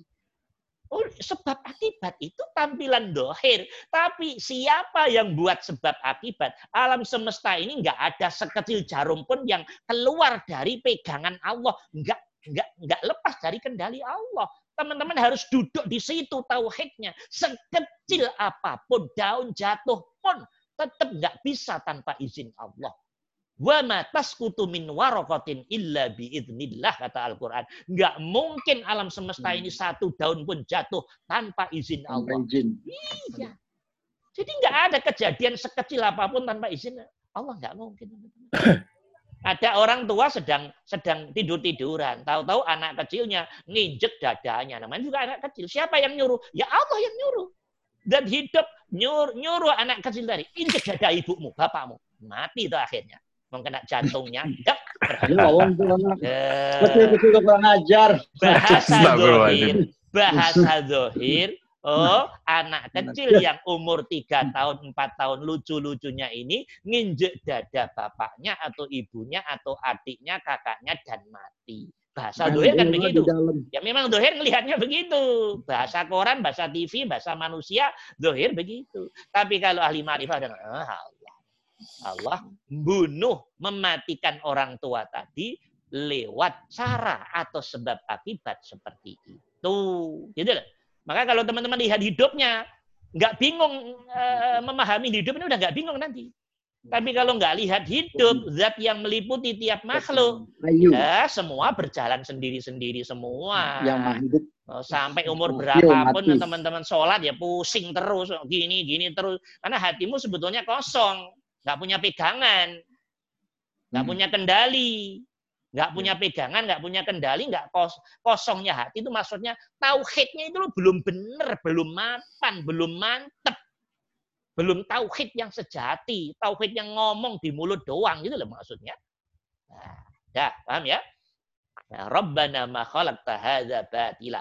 Jadi, wahai. Tuhan Itu. kami, sebetulnya kamu tidaklah menciptakan semua ini di alam semesta ini, apapunlah bentuknya, yang batil, yang sia-sia. Allah menciptakan orang idiot, nggak sia-sia. Lah kalau semua sehat, nggak ada yang idiot. Dirimu nggak paham kalau Allah itu maha sempurna. Paham? Semua pinter, semua. Terus nggak ada yang nggak pinter. Berarti Allah nggak hebat karena bisanya hanya produknya satu, satu produk. Maka dibuat yang pinternya ampun, bodohnya ampun, namanya idiot. Idiot itu bodohnya udah ampun gitu. Itu kesempurnaan Allah. Jadi hamba yang diputuskan, yang dikehendaki, yang diputuskan Allah idiot. Idiot itu bahasa Allah, bahasa zohirnya Allah. Ini loh, aku bisa buat begini. Yang aku bisa buat yang pintar seperti ini. Aku bisa buat yang pas-pasan kayak begini. Aku loh, jadi banyak model. Modelnya sangat banyak sekali. Banyaknya model ini menunjukkan kesempurnaan maha hidup yang meliputi alam semesta ini. Cuman kalau hatimu buta, nggak ngerti apa-apa semuanya ini. Nggak nyambung ke Allahnya, ke zat hidupnya, hanya ngelihat dohirnya, ah idiot, terus diejek, diolo-olo. Tuh kayak anaknya Pak itu tuh yang idiot. Loh. Jadi bahan olo-olo. Padahal maksud Allah nggak begitu. Dicetak yang pinter, yang yang brilian kayak Pak Habibie mamanya atau Einstein. Ya, ya Allah. Loh, biar ngelihat Allahnya. Ini, ya Allah. Loh, hati loh ini hati loh, bukan mulut loh. Bukan mulut. Begitu ngelihat yang kaya raya cepat sukses. Loh, hatinya langsung tek Allah. Ngelihat di Jakarta puluhan tahun nggak sukses-sukses, boro-boro punya rumah, ngonter aja ngutang terus. Ya Allah. Loh kan banyak tuh begitu. Ya Allah. Ya memang begitu hidup itu. Jadi Allah bikin macam-macam model, teman-teman. Bikin macam-macam model. Nah, gitu loh. Bikin sini nggak gantengnya ampun, masya Allah. Uh, ganteng aja. Bikin orang panas lah pokoknya. Yang sini amit-amit. Ya, amit-amit masya Allah. Udah cebol, jelek, hitam. Loh. Tapi ini kesempurnaan Allah. Allah pengen ngelihatin aku ini hebat. Aku ini keren. Aku ini agung, aku ini besar, aku ini kuasa. Biar hati kita ini sejatinya faham. Tapi yang nggak faham, faham. Ngelihat yang ganteng ya tambah muncul nafsunya. Ngelihat yang jelek ya tambah dijelek-jelekin. loh. Berarti maksud Allah banyak kandas karena hatimu kotor. Iya, Iya. hatimu kotor. Nggak bertauhid kepada Allah. Sejatinya semua dilihat dengan penuh mata hati kesempurnaan Allah. Semuanya dilihat dengan kaca, mata, telinga, hati penuh kesempurnaan Allah. Tapi tidak, kan kamu cacat semua. Mencacatnya dirimu lewat mulutmu maupun rasa dirimu tentang Allah. sejatinya kamu protes pada Allah. Ya Allah, saya nggak setuju dengan sikapmu. Kasar toh sejatinya? Cuman karena hatimu bodoh, hatimu belum dibuka oleh Allah, hatimu belum di belum di, di, di, diberi kemakrifatan oleh Allah, Hmm. semua kamu salahkan, semua kamu salahkan. Kalau sudah menyalahkan, sejatinya kamu kan menyalahkan zat hidup yang menginginkan itu. Tah. Kalau kamu sudah menyalahkan, memprotes, sejatinya kamu kan loh, menyalahkan zat hidup yang menginginkan dan menghendaki kuasa dia seperti itu tadi. Nah, itu loh bedanya orang yang sudah sampai Allah dengan yang belum itu nanti. Ya, teman-teman. Nggak ada yang batil. Nggak ada yang batil. Nggak ada yang sia-sia di alam semesta ini. Ustadz, Allah nyetak ini ahli ibadah. Masya Allah. Alim, soleh sekali. Sini Allah. Tiap hari zina, nyuri, merampok, minum ini. Loh. Teman-teman. Kalau di dunia hanya orang soleh semua. Berarti Allah nggak Ya, hebat. Kalau di dunia isinya orang soleh semua, Allah nggak hebat. Paham apa enggak? Karena Allah hanya bisa membuat produk satu tunggal. Hebat. Orang hebat. Iya. Hebat apanya? Maka dibuat model, miliaran model. Miliaran model. Dari miliaran model kalau diambil sampel paling tinggi, paling soleh. Ini yang diambil paling rendah, paling apa ya? Paling rendah. Tiap hari zina, minum ini. Langsak. teman-teman. Ini sebenarnya sebetulnya kalau dilihat dari kacamata syariat nih, dilihat dari kacamata sosial dan logika, pasti dirimu, hmm, dulu jadi Hmm. kayak orang soleh ini ini, ya pasti memang harus begitu. Giliran yang sini yang jelek dari pasti jadi sampah masyarakat, pasti direndahkan, pasti dihina. Kalau sosial, logika, dan zona syariat melihatnya seperti itu.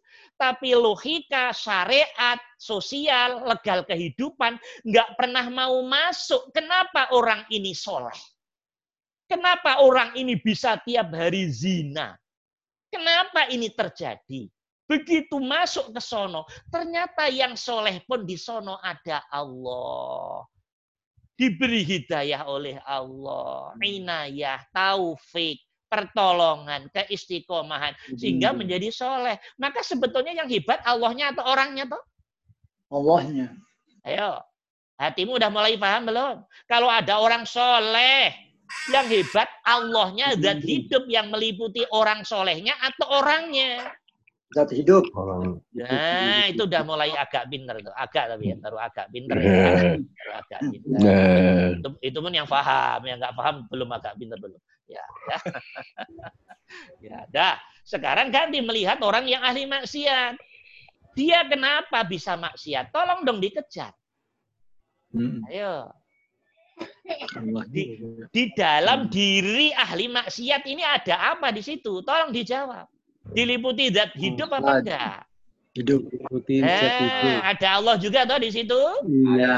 Eh, kok dia mau zina dan seterusnya karena Allah biarin nggak memberi hidayah ditonton atau dibiarin oleh Allah nggak diberi hidayah kan gitu toh Ya, yang biarin nggak ngasih hidayah siapa Allah. Allah. nah Allah. itu loh Eh, yang belum paham nanti nyala nyalain setan. Salahnya itu. Yang ahli maksiat ngikutin setan ngikutin iblis ngikutin nafsu dia nggak pernah mau ngejar pertanyaan lo setan itu siapa?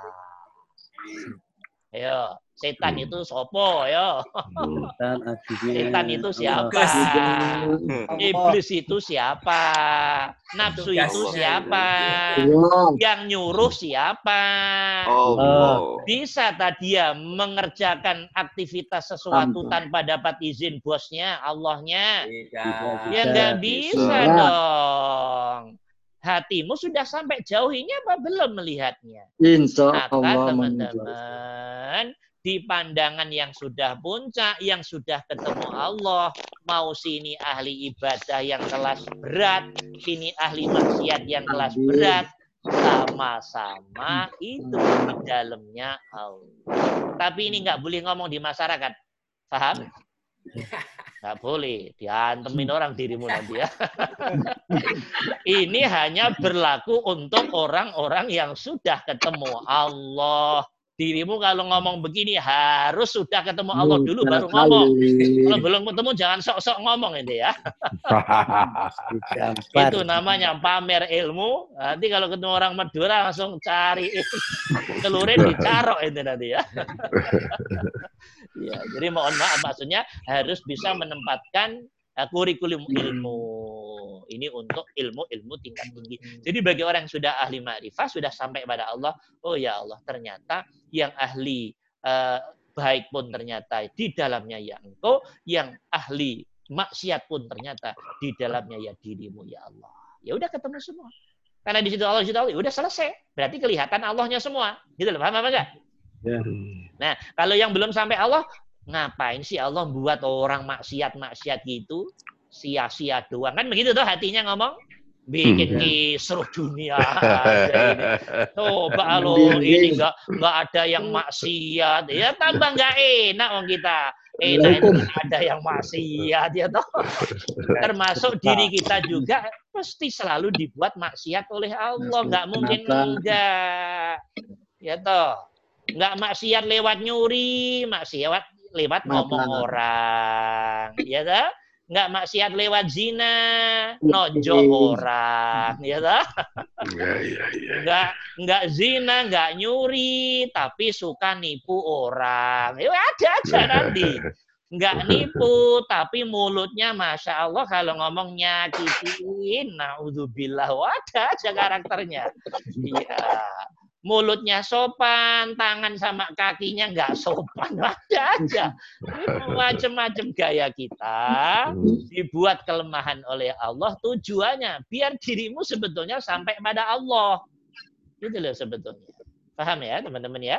Jadi nggak ada yang batil ya di dunia ini. Ya. Nggak ada yang sia-sia ya. Ada sia-sia. Ya. Semua. Jadi Ya, Rabbana ma khalaqta hadza batila. Nggak ada yang sia-sia teman-teman. Nggak ada Ya, yang sia-sia. Terus nanti berpikir begini, ngapain sih Allah itu kok buat orang Cina itu komunis semua. Gak iman pada Allah kok sia-sia gitu Allah. Udah dirimu aja yang jadi Tuhan deh, nggak usah. Oh, di, itu ya terserah Allah. Dirimu mikir dirimu aja nggak bener kok mikir diri orang lain itu loh. Ngapain kok mikirin orang Cina jadi komunis? Lah dirimu itu loh sudah beriman toh. Jangan-jangan masih kafir nanti. Lah. Kok repot-repot banget. Mau Allah jadiin sono komunis, sono ateis, sono Hindu, sana Buddha, sana aliran kepercayaan, sana Zoroaster, sana Majusi, sana Sunda Wiwitan, sana aliran kejawen, sana. Loh itu rak terserah gue, tak kata Allah. Ente kok rewel banget jadi orang. Toh nanti yang milih siapa yang masuk nominasi eh, masuk ke rahmatku setelah mati nanti ya aku rak, bukan dirimu. Dirimu kok rewel banget tak. Oh, dirimu sendiri tiap hari kafir aja nggak ngerti kalau kafir kok saking bodohnya dirimu tentang aku. Iya? Ya, Di misalnya. kafirnya sendiri tiap hari kafir nggak kelihatan. Tiap hari musyrik nggak kelihatan. Tiap hari kufur nikmat nggak kelihatan. Tiap hari mata hatinya, telinga hatinya buta dari Allah nggak kelihatan semua kok dosa itu kok. Karena saking tidak pinternya dirimu tentang Allah. Kan begitu toh. Ya kalau urusan bodoh, rak bodoh semua tak sejatinya. Nah, urusan kafir ya banyak kafirnya semua kok. Urusan musyrik, banyak musyriknya semua. Hanya ilmu yang kamu miliki sudah sejauh mana. Dirimu ngerasa nggak kafir karena nggak ngerti kafirmu. Dirimu nggak ngerasa musyrik karena nggak ngerti di mana letak kemusyrikanmu. Kan begitu tak? Dirimu nggak ngerasa dosa karena nggak ngerti di mana letak dosamu. Saking bolotnya hatinya. Paham? Nah, ini inilah makna Rabbana ma khalaqta hadza batila. Jadi Allah tak ada yang kafir, tidak kafir. Biarlah itu semua keinginan Allah, nah, kuasa. Allah.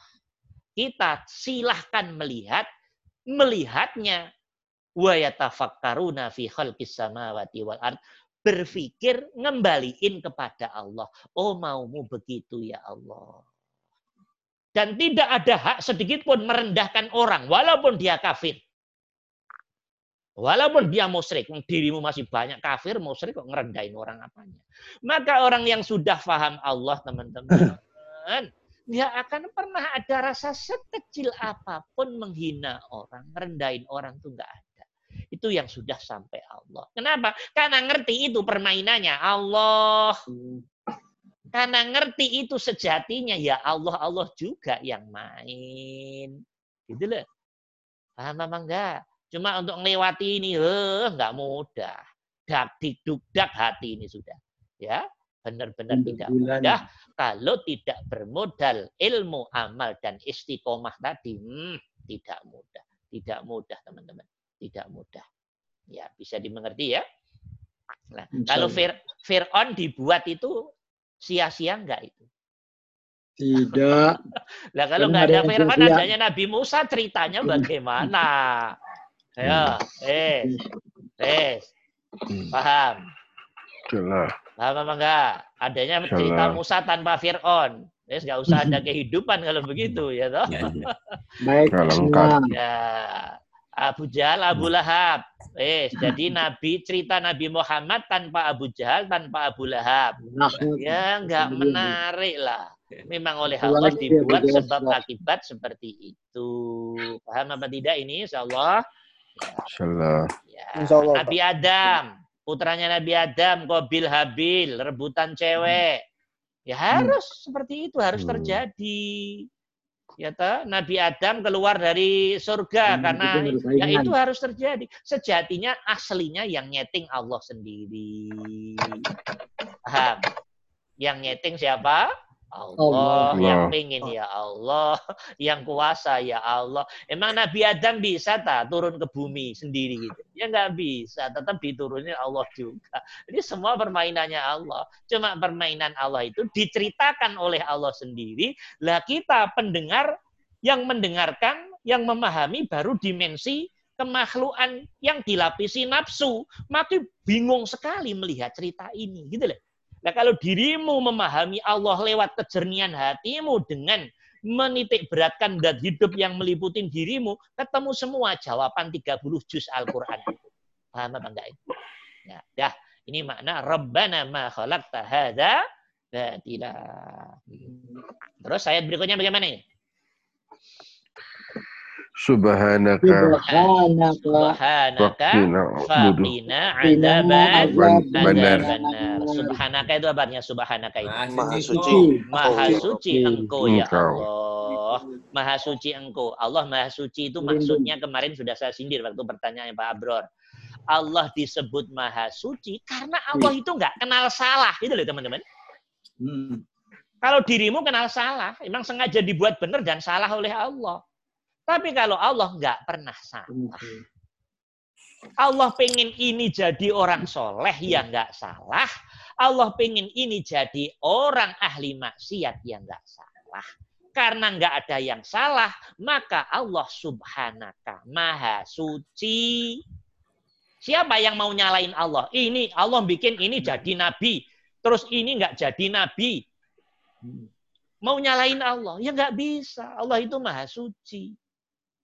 Maha suci, semua keinginannya, semua keputusannya, itu berarti mutlak kebenarannya memang semua milik dia sendiri. Ngapain ente ngomentari miliknya Allah terus ente komentarin. Dirimu itu loh milik Allah kok ngomentar-ngomentari. Apa emang enggak? Rewel. Iya.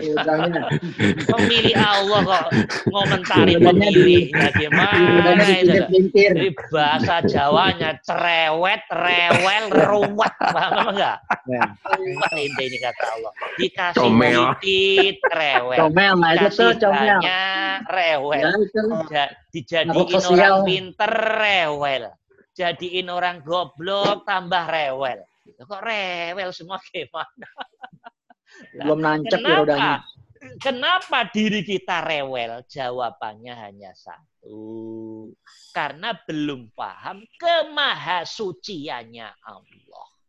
Orang yang paham kemahasuciannya Allah, ya orang yang hatinya harus suci. Hati yang suci yang dimaksud, hati yang totalitas bertauhid. Tauhid Allah. Suci itu enggak kok suci gimana gitu. Enggak. Maksudnya hatimu itu loh totalitas dikuasai rasa dan kesadaran Allah. Totalitas bertauhid. Kalau totalitas di hatimu dikuasai Allah, rasa dan sadar Allah, setan nafsu minggir semua. Enggak sanggup dong mereka. Mau ngapain Allah dia? Enggak sanggup. Karena sudah dikendalikan rasa dan sadar Allah, maka dirimu akan mampu mensucikan Allah lewat kemutlakannya Allah tadi. Enggak enggak maha suci dalam pengertian nerjemahin doang, mahamin doang. Kalau itu mana TK juga bisa. Tuh, kayak Pak Bro tawa-tawa tuh, anak TK soalnya. Proses Maha suci Allah, ya rak terjemah ta. Bukan yang dimaksud Allah itu respon hatimu tentang tentang tentang afalnya Allah, tentang sifatnya Allah ini. Kalau hatimu sudah mampu memahami tentang kemutlakannya Allah, apa pun yang diperbuat oleh Allah, hakikatnya kesuciannya Allah. Karena itu kemutlakannya Allah. Nggak boleh satu pun makhluk me demonya. Nah, kalau kita kerjaannya tiap hari demo Allah terus ya. Allah buat hujan di demo. Salah. Hujan terus, demo terus. Nggak hujan di demo. Ya repot tuh. Panas di demo. Panas banget apalagi. Terus repot jadi salah. Terus di hati orang yang tidak bertauhid dengan baik, Allah itu adalah maha murahan. Maha yang serba salah. Maha yang tidak suci. Maha yang kotor. Maha yang banyak salah. Karena disalahin terus oleh diri, hati, jiwa, roh yang masih kotor. Ya bangga. Ya, Ustaz. Ya bangga wes, ngomong terus-terusan. Cuman dirimu belum sanggup jebol ilmu ini. Belum total ilmu. Iya belum total. Jadi nyalain Allah nggak ngerasa salah. Masih mencela-menceli. Ya, mencela menceli orang Jawa bilang apa mencela menceli ini. Iya, jadi maha suci pret itu enggak. Enggak enggak bener, pret doang ngomong doang. Jadi maksud Allah itu gini loh teman-teman. Semua apa yang saya perbuat di alam semesta ini, tampilan ini tanpa kecuali, itulah kesucianku.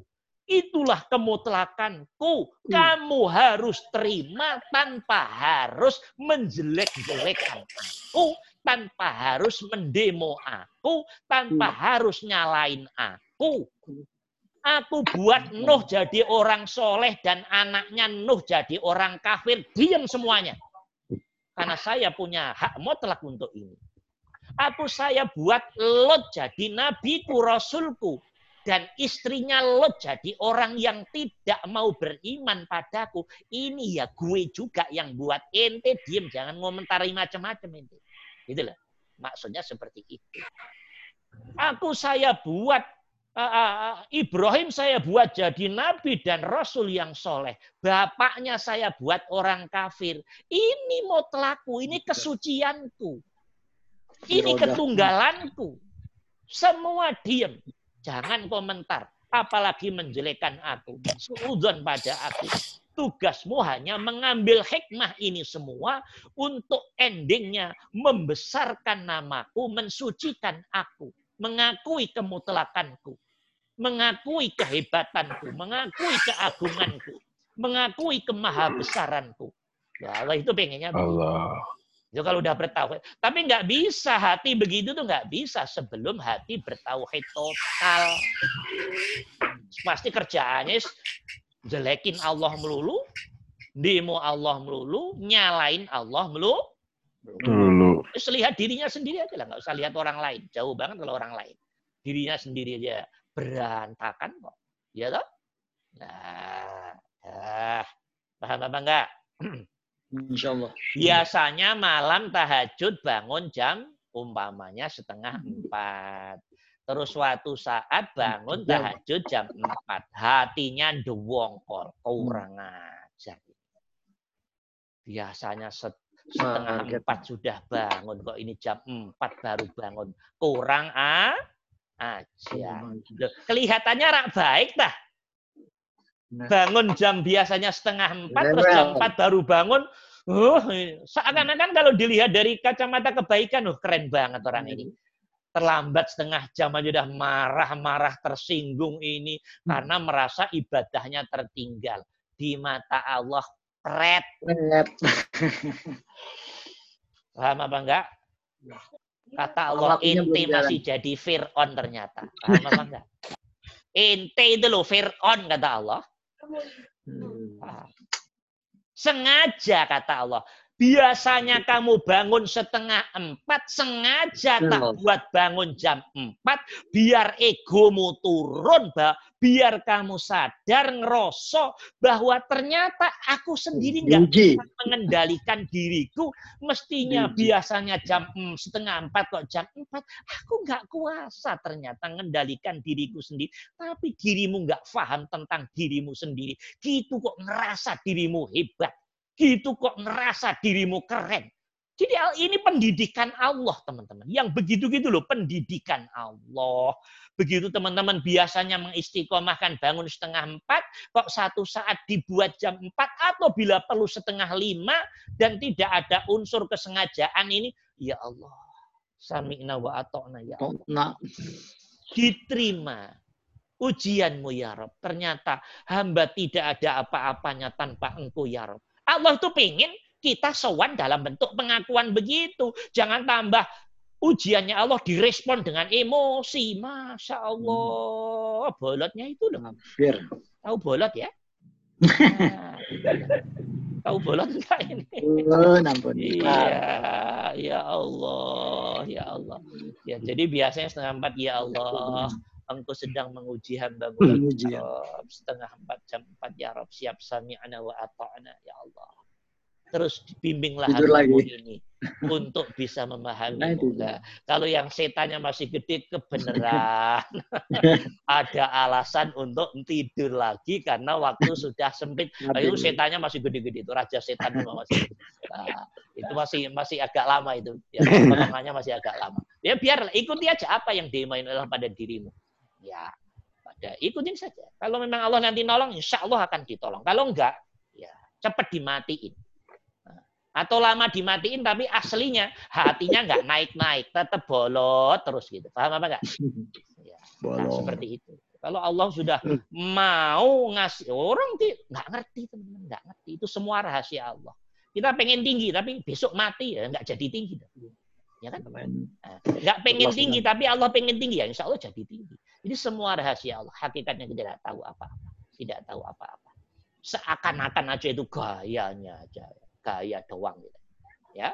Nah, ini maksud Rabbana ma khalaqta hadza batila subhanaka. Jadi Allah Maha apa? Maha su, Maha su, Suci. Maha suci. Karena Maha suci, Mana? kita harus membenarkan apa yang diperbuat oleh Allah pada pada pada iradah dan kudroh. Kudroh dan kudrohnya. Nah, ntar, ntar dulu, ntar dulu. Saya hubungkan.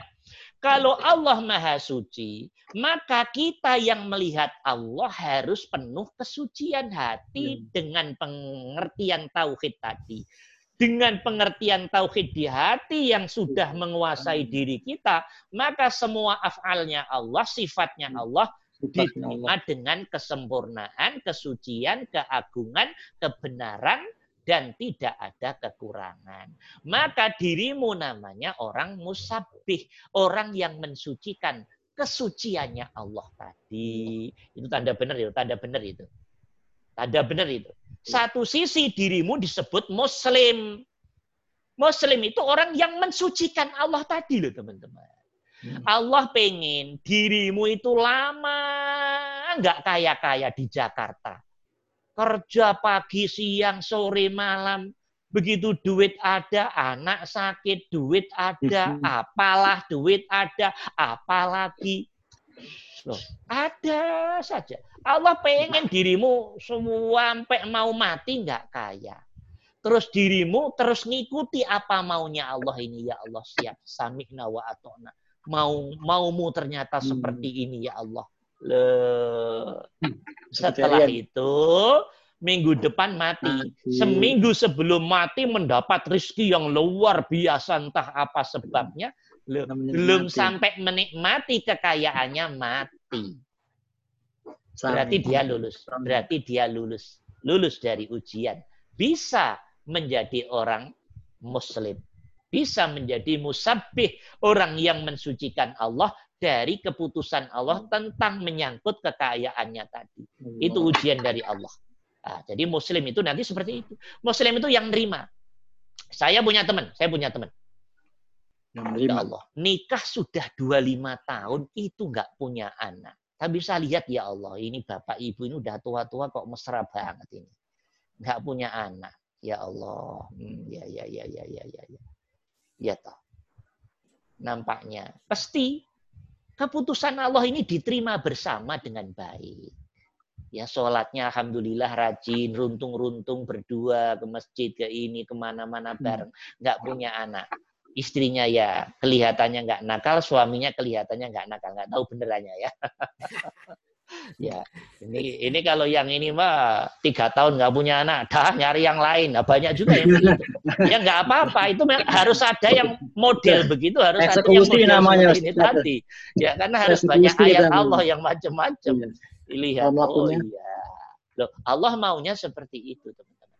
Allah mau. Dan dia bisa menerima Ya mudah-mudahan dia termasuk musabbih. Musabih. Menerimanya dia keputusan dari Allah 25 tahun nggak punya anak, nggak macem-macem tadi. Nerimo bener, selama nerimo bener, berarti nerimonya dia berdua, itulah dia namanya muslim.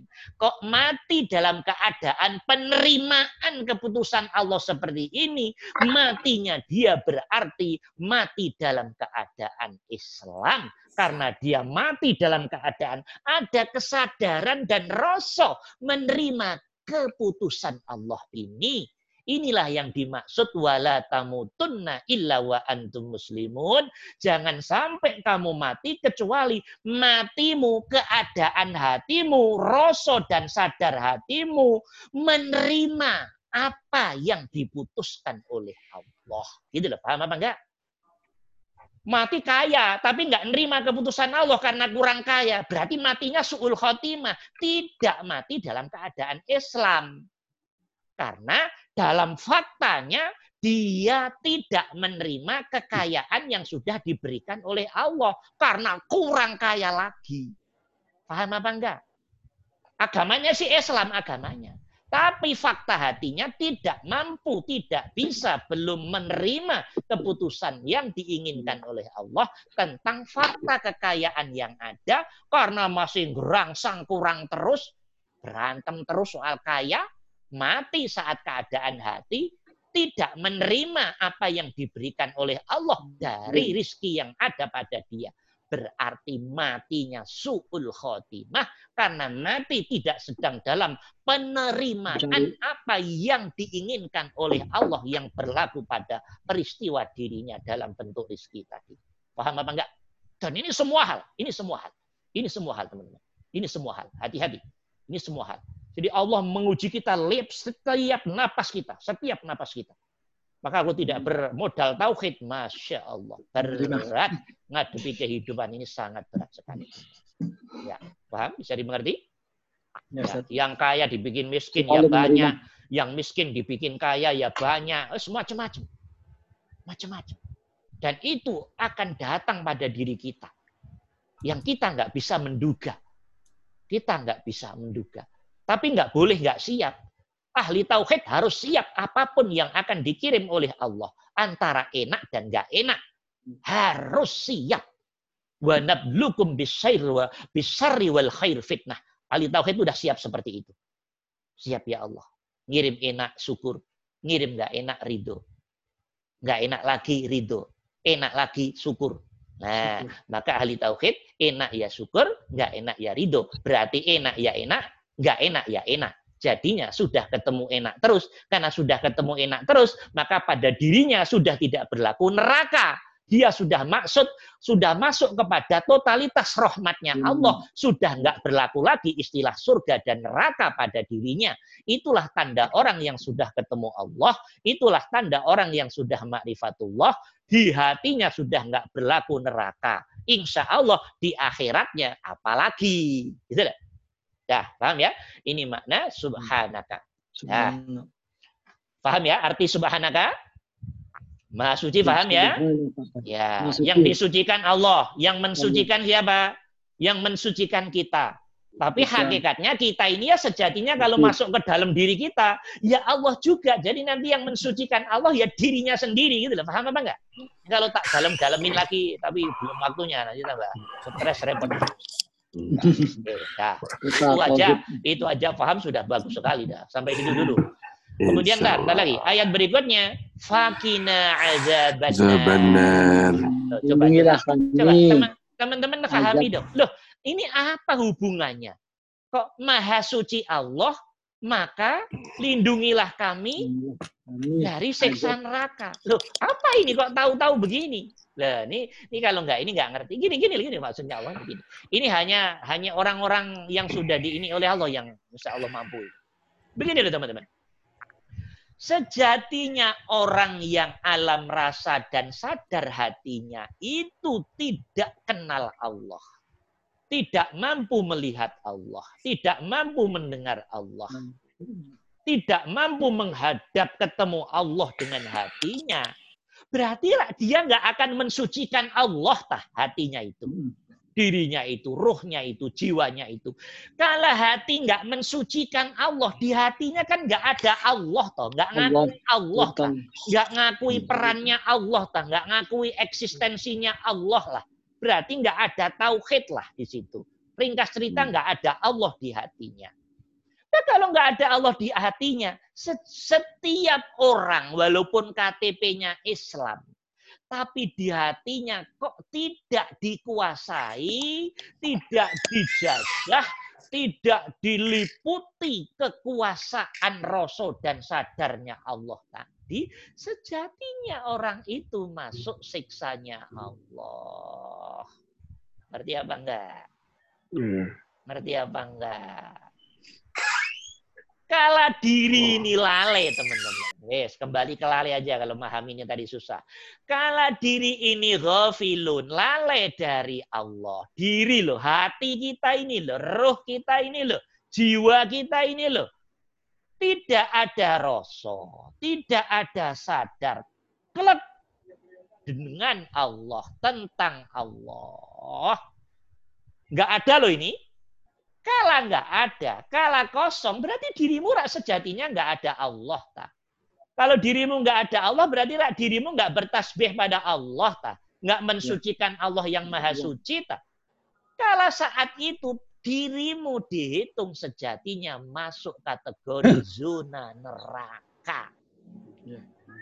Di mana nerakanya Ustadz buktinya? Kosongnya hatimu, pikiranmu, jiwamu, rohmu dari totalitas rasa Oh, dan iya. kesadaran tentang Allah. Itulah bukti dirimu lale. Itulah bukti dirimu pada zona azab benar. Itulah bukti dirimu pada zona yang tidak ada pada ketenangan, kedamaian, ketentraman. Efek dari penguasaan Allah. Walaupun dirimu di tengah kekayaan yang melimpah, walaupun dirimu di tengah kesuksesan yang hebat, walaupun dirimu di tengah kecantikan yang luar biasa, dirimu di tengah ketampanan yang luar biasa, dirimu di tengah sudahlah kehebatan yang luar biasa. Kalau fakta hatimu benar-benar kosong dari Allah karena nggak bertasbih, tidak mensucikan kemahasuciannya Allah tadi, maka sejatinya dirimu masuk zona yang berbahaya, yaitu zona azab benar, zona neraka. Di dunianya hatimu ya gundah karena nggak ketemu Allah. Di dunianya hatimu ya abu-abu, ngambang karena nggak ketemu Allah. Di dunianya hatimu yang gersah, kurang terus, nggak ada cukupnya, nggak syukur-syukur terus, nggak ridho-ridho terus. Keadaan hati yang berantakan seperti ini, itu namanya azab benarnya di dunia yaitu ada banarnya di neraka ya ntar nanti nunggu dulu kan belum sama ngertinya tak. Maka ayatnya diakhiri ya Allah fakina azab benar. Jagalah kami ya Allah dari azab neraka. Maksudnya kalau hatimu dijaga oleh Allah untuk tidak masuk ke neraka, neraka dalam pengertian dunia dan neraka dalam pengertian akhirat, pasti dirimu akan ditarik oleh Allah untuk bisa menjadi orang yang mensucikan Allah dengan kemahasuciannya, kemaha kemutlakannya tadi.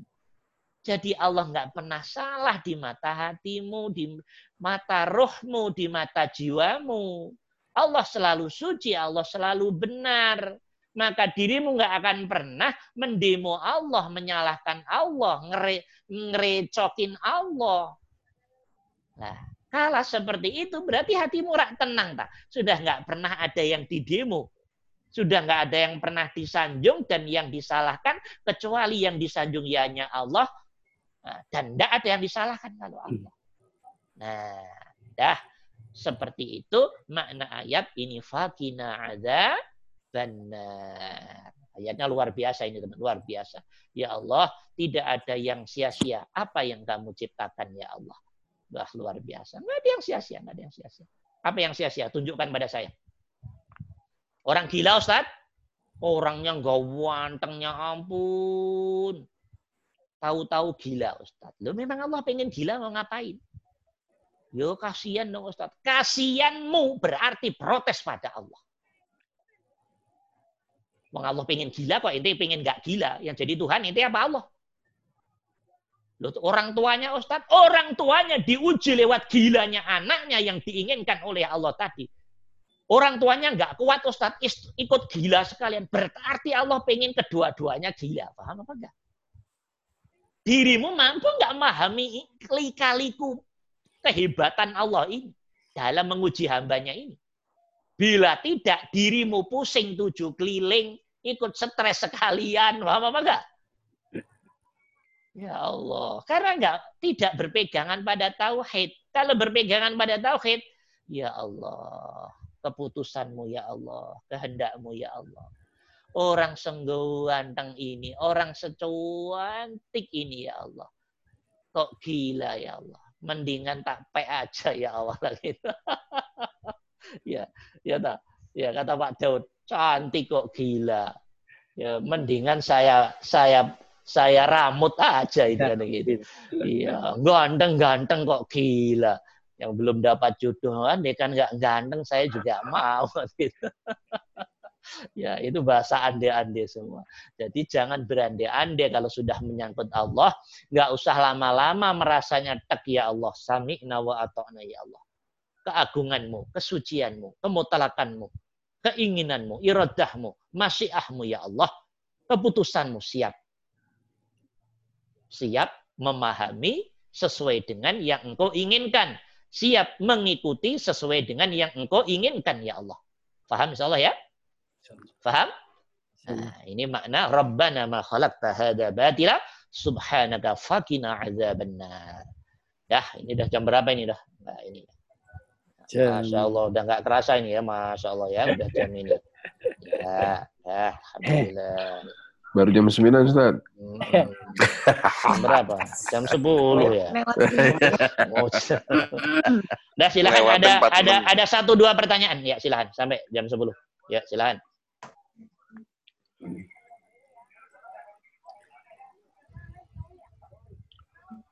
Silakan deh mau nanya. Udah panas nih Pak Dadang. Ya udah dong. Katanya tadi nunggu panas. Sekarang udah panas. Tanya dong. Ya Allah. Ustaz. Tem- ya, Alhamdulillah silakan. Ustadz udah hampir paham sedikit-sedikit cara mengenal terus-menerus dengan Allah. Iya, Ya. ada suara ya nih.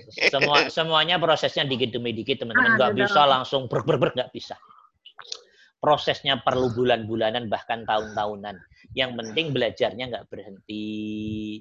Apalagi ini menyangkut hati, nggak barang kayak buat tempe goreng. Buat tempe goreng aja butuh proses ya.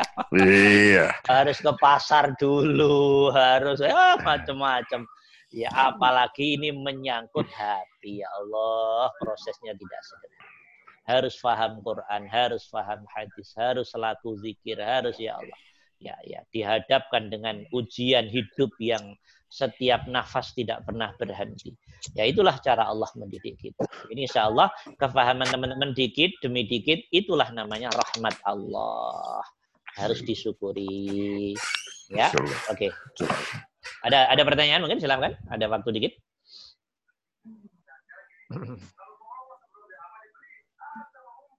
Ada pertanyaan tidak?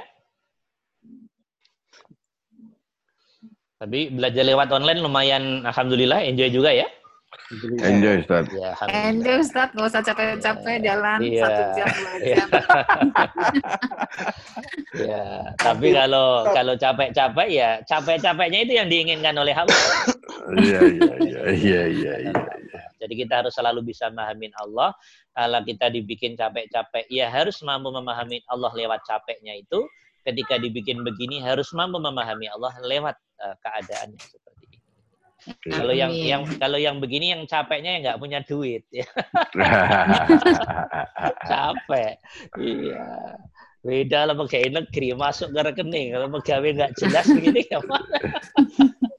ya oke ya. Ada silahkan ya yang pertanyaan. Ada waktu 10 menit? Ya, Silakan ya Ustaz. ya silahkan. Eh, mengenai itu eh, ayat yang walau kanal bahru midada di kalimat Robi itu loh. Iya itu iya. maksudnya apa? Nah, itu mah udah. Nanti ada kajian sendiri lah ya. Ini kalau udah ayat yang lain yang itu tuh kajiannya eh, jadi panjang nanti. Tapi bisa kita jawab se, se ini aja, secukup, sejenak saja. Walau kan al bahru mida. Jadi Allah pengen menggambarkan teman-teman dalam ayat tadi. Kalau toh laut ini dikalikan tujuh laut lagi. Dan airnya ibaratnya jadi tinta.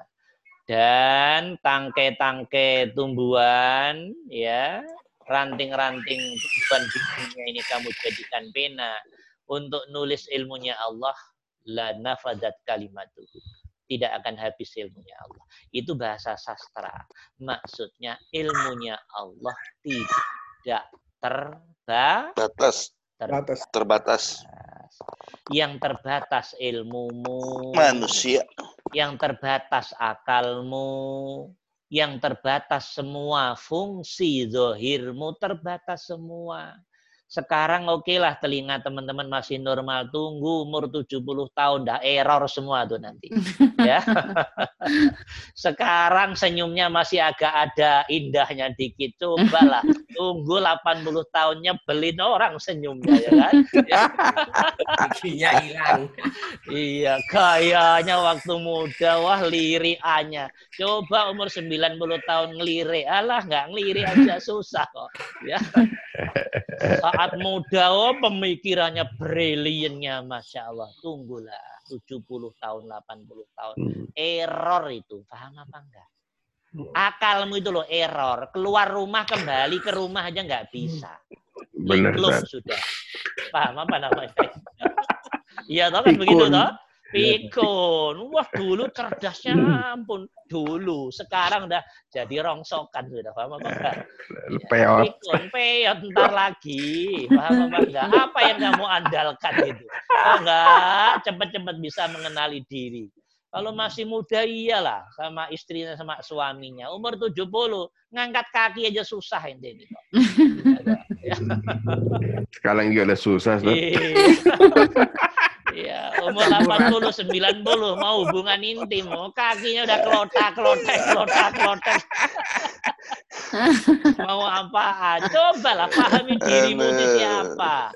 Suruh kembali ke Allah juga susah-susah banget itu. Amin. Makanya ya umur 90 masuk mau dikasih cewek cantik, eh, cowok ganteng, nggak kepake juga percuma. Nggak mampu.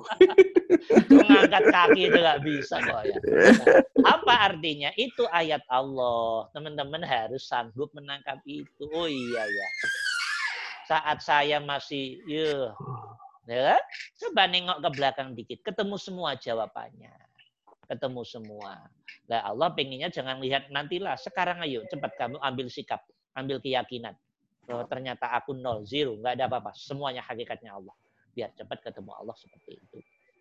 Nah, jadi ilmu kita terbatas. Baik ilmu yang ditangkap melalui instrumen indera terbatas. Bahkan inderanya sendiri terbatas. Ntar lagi error semuanya, diberi terbatas. Akal, ntar lagi sudah, pikun tadi. Nah, sekarang tinggal satu, tinggal satu, tinggal satu.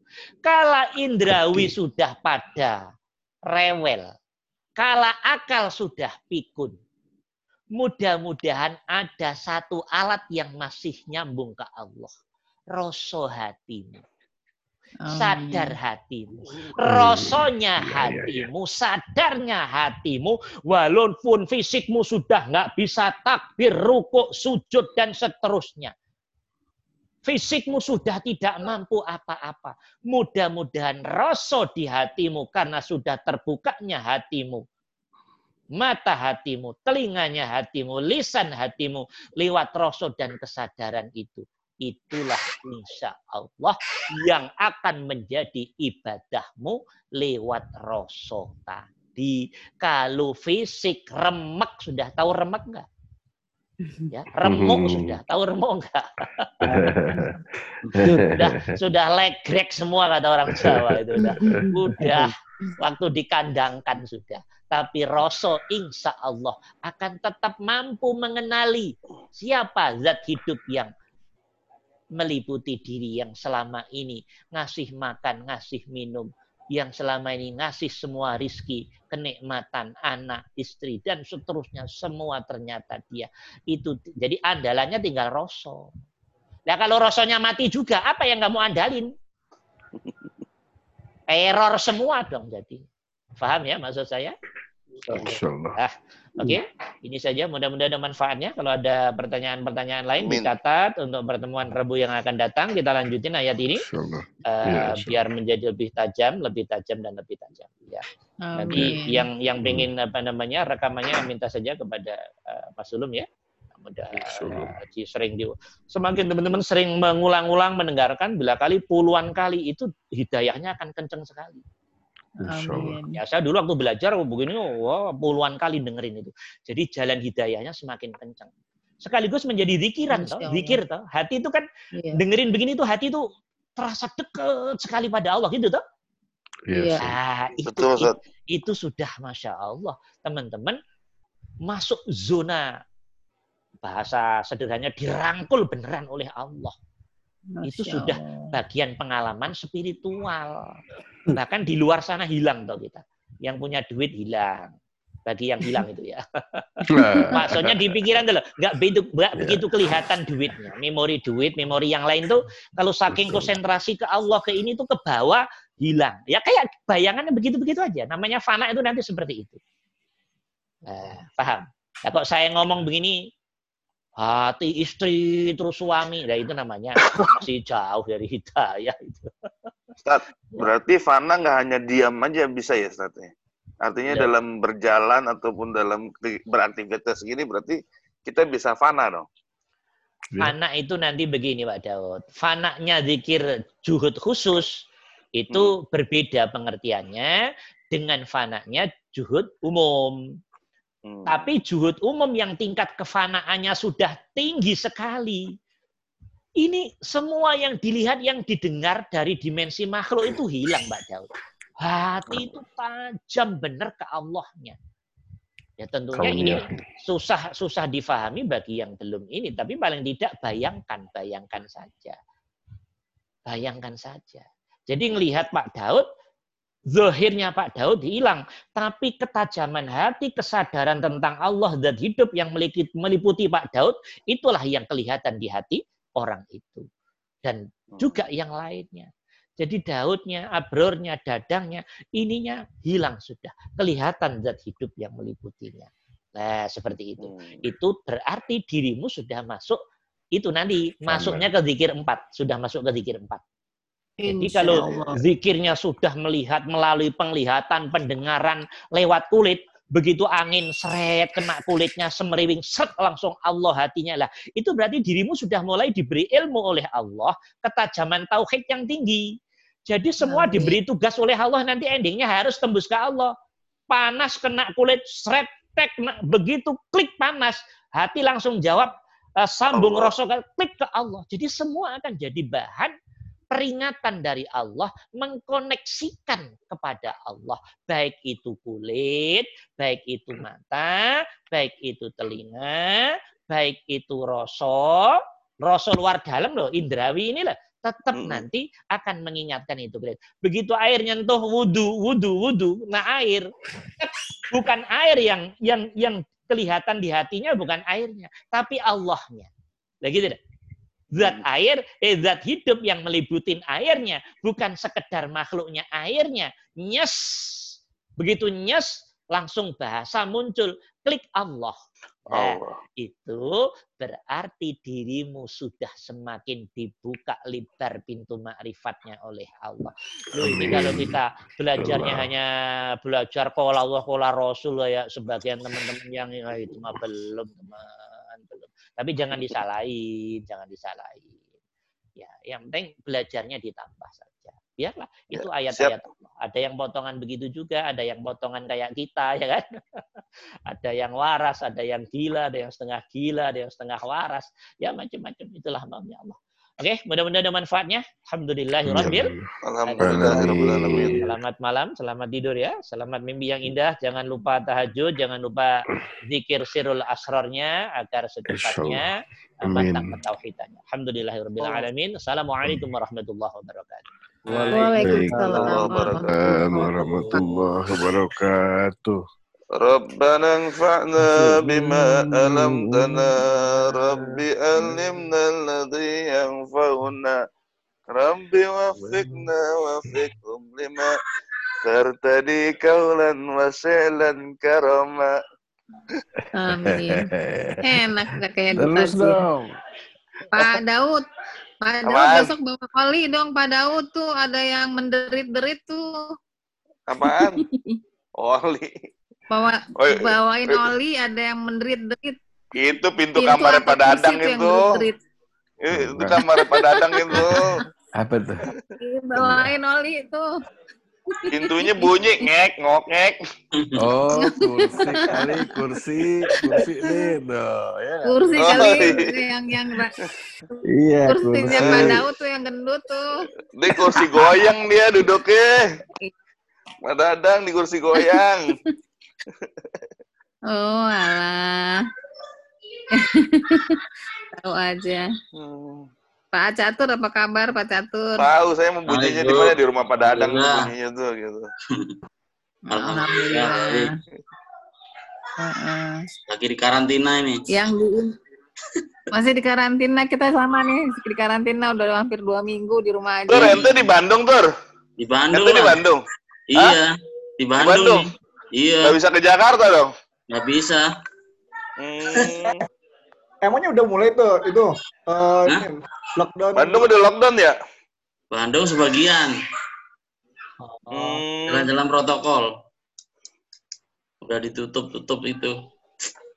Jakarta kapan lu? mudah-mudahan nggak apa-apa lah. di sini di sini mah susah kalau protokol doang justru Iya. jalan-jalan kampungnya kalau Jakarta mah Nah, iya makanya. Ya orang yang nongkrong di kampung Iya. justru Ya mudah-mudahan cepat berlalu ya sama-sama berdoa kita. supaya sebenarnya kan bisa sebenarnya kan kita lagi. tuh nggak nggak cuma 2000 kalau semua orang mau ber- mau memeriksa masalahnya kan kita nggak berani meriksa aja semua orang coba kalau semuanya diperiksa udah jutaan kali Dan itu juga Iya. nggak ada kan? Alatnya juga nggak cukup, Bud. Hah? Alatnya juga nggak cukup. iya makanya. Sekarang contoh dah contoh konkret ya kan? Tetangga ente coba deh. Ada yang sakit demam meriang. Suruh periksa coba pasti nggak antar gue dibilang ini lagi. COVID-19 Saya itu Pak Daud. Saya pulang dari Jakarta demam loh, demam terus tenggorokan sakit. Ya udah saya istirahat aja deh. Jawab suruh berobat. Ogah. Stres kalau mikirin COVID mendingan ini dengerin ini aja ceramahnya Ustadz aja baca Quran. Stres dengerin TV. Heeh. Makasih banyak teman-teman semua sampai ketemu lagi. Ya, Assalamualaikum. Mana Bu? Belum beli nasi goreng? Udah udah makan Bu. mau tidur. Pak De nungguin Nasi dulu. goreng Pak. kasihan ya, ya ampun. Siang tuh Iya nasi goreng. kasihan, aduh kasihan banget. Heeh, iya, mudah-mudahan cepat berlalu lah. Assalamualaikum semuanya. Ya, Waalaikumsalam. Waalaikumsalam. Ya udah yuk. Udah ya, yuk. Udah ya saya duluan. Yuk, Assalamualaikum. yuk, yuk. Waalaikumsalam. Waalaikumsalam. Yuk, duluan ya. Semuanya. Mana lu? Gua sendirian dong. Bu- bu- bu- Bubar dah, bubar. Mana Pak Dadang? Nyamuk nih di luar.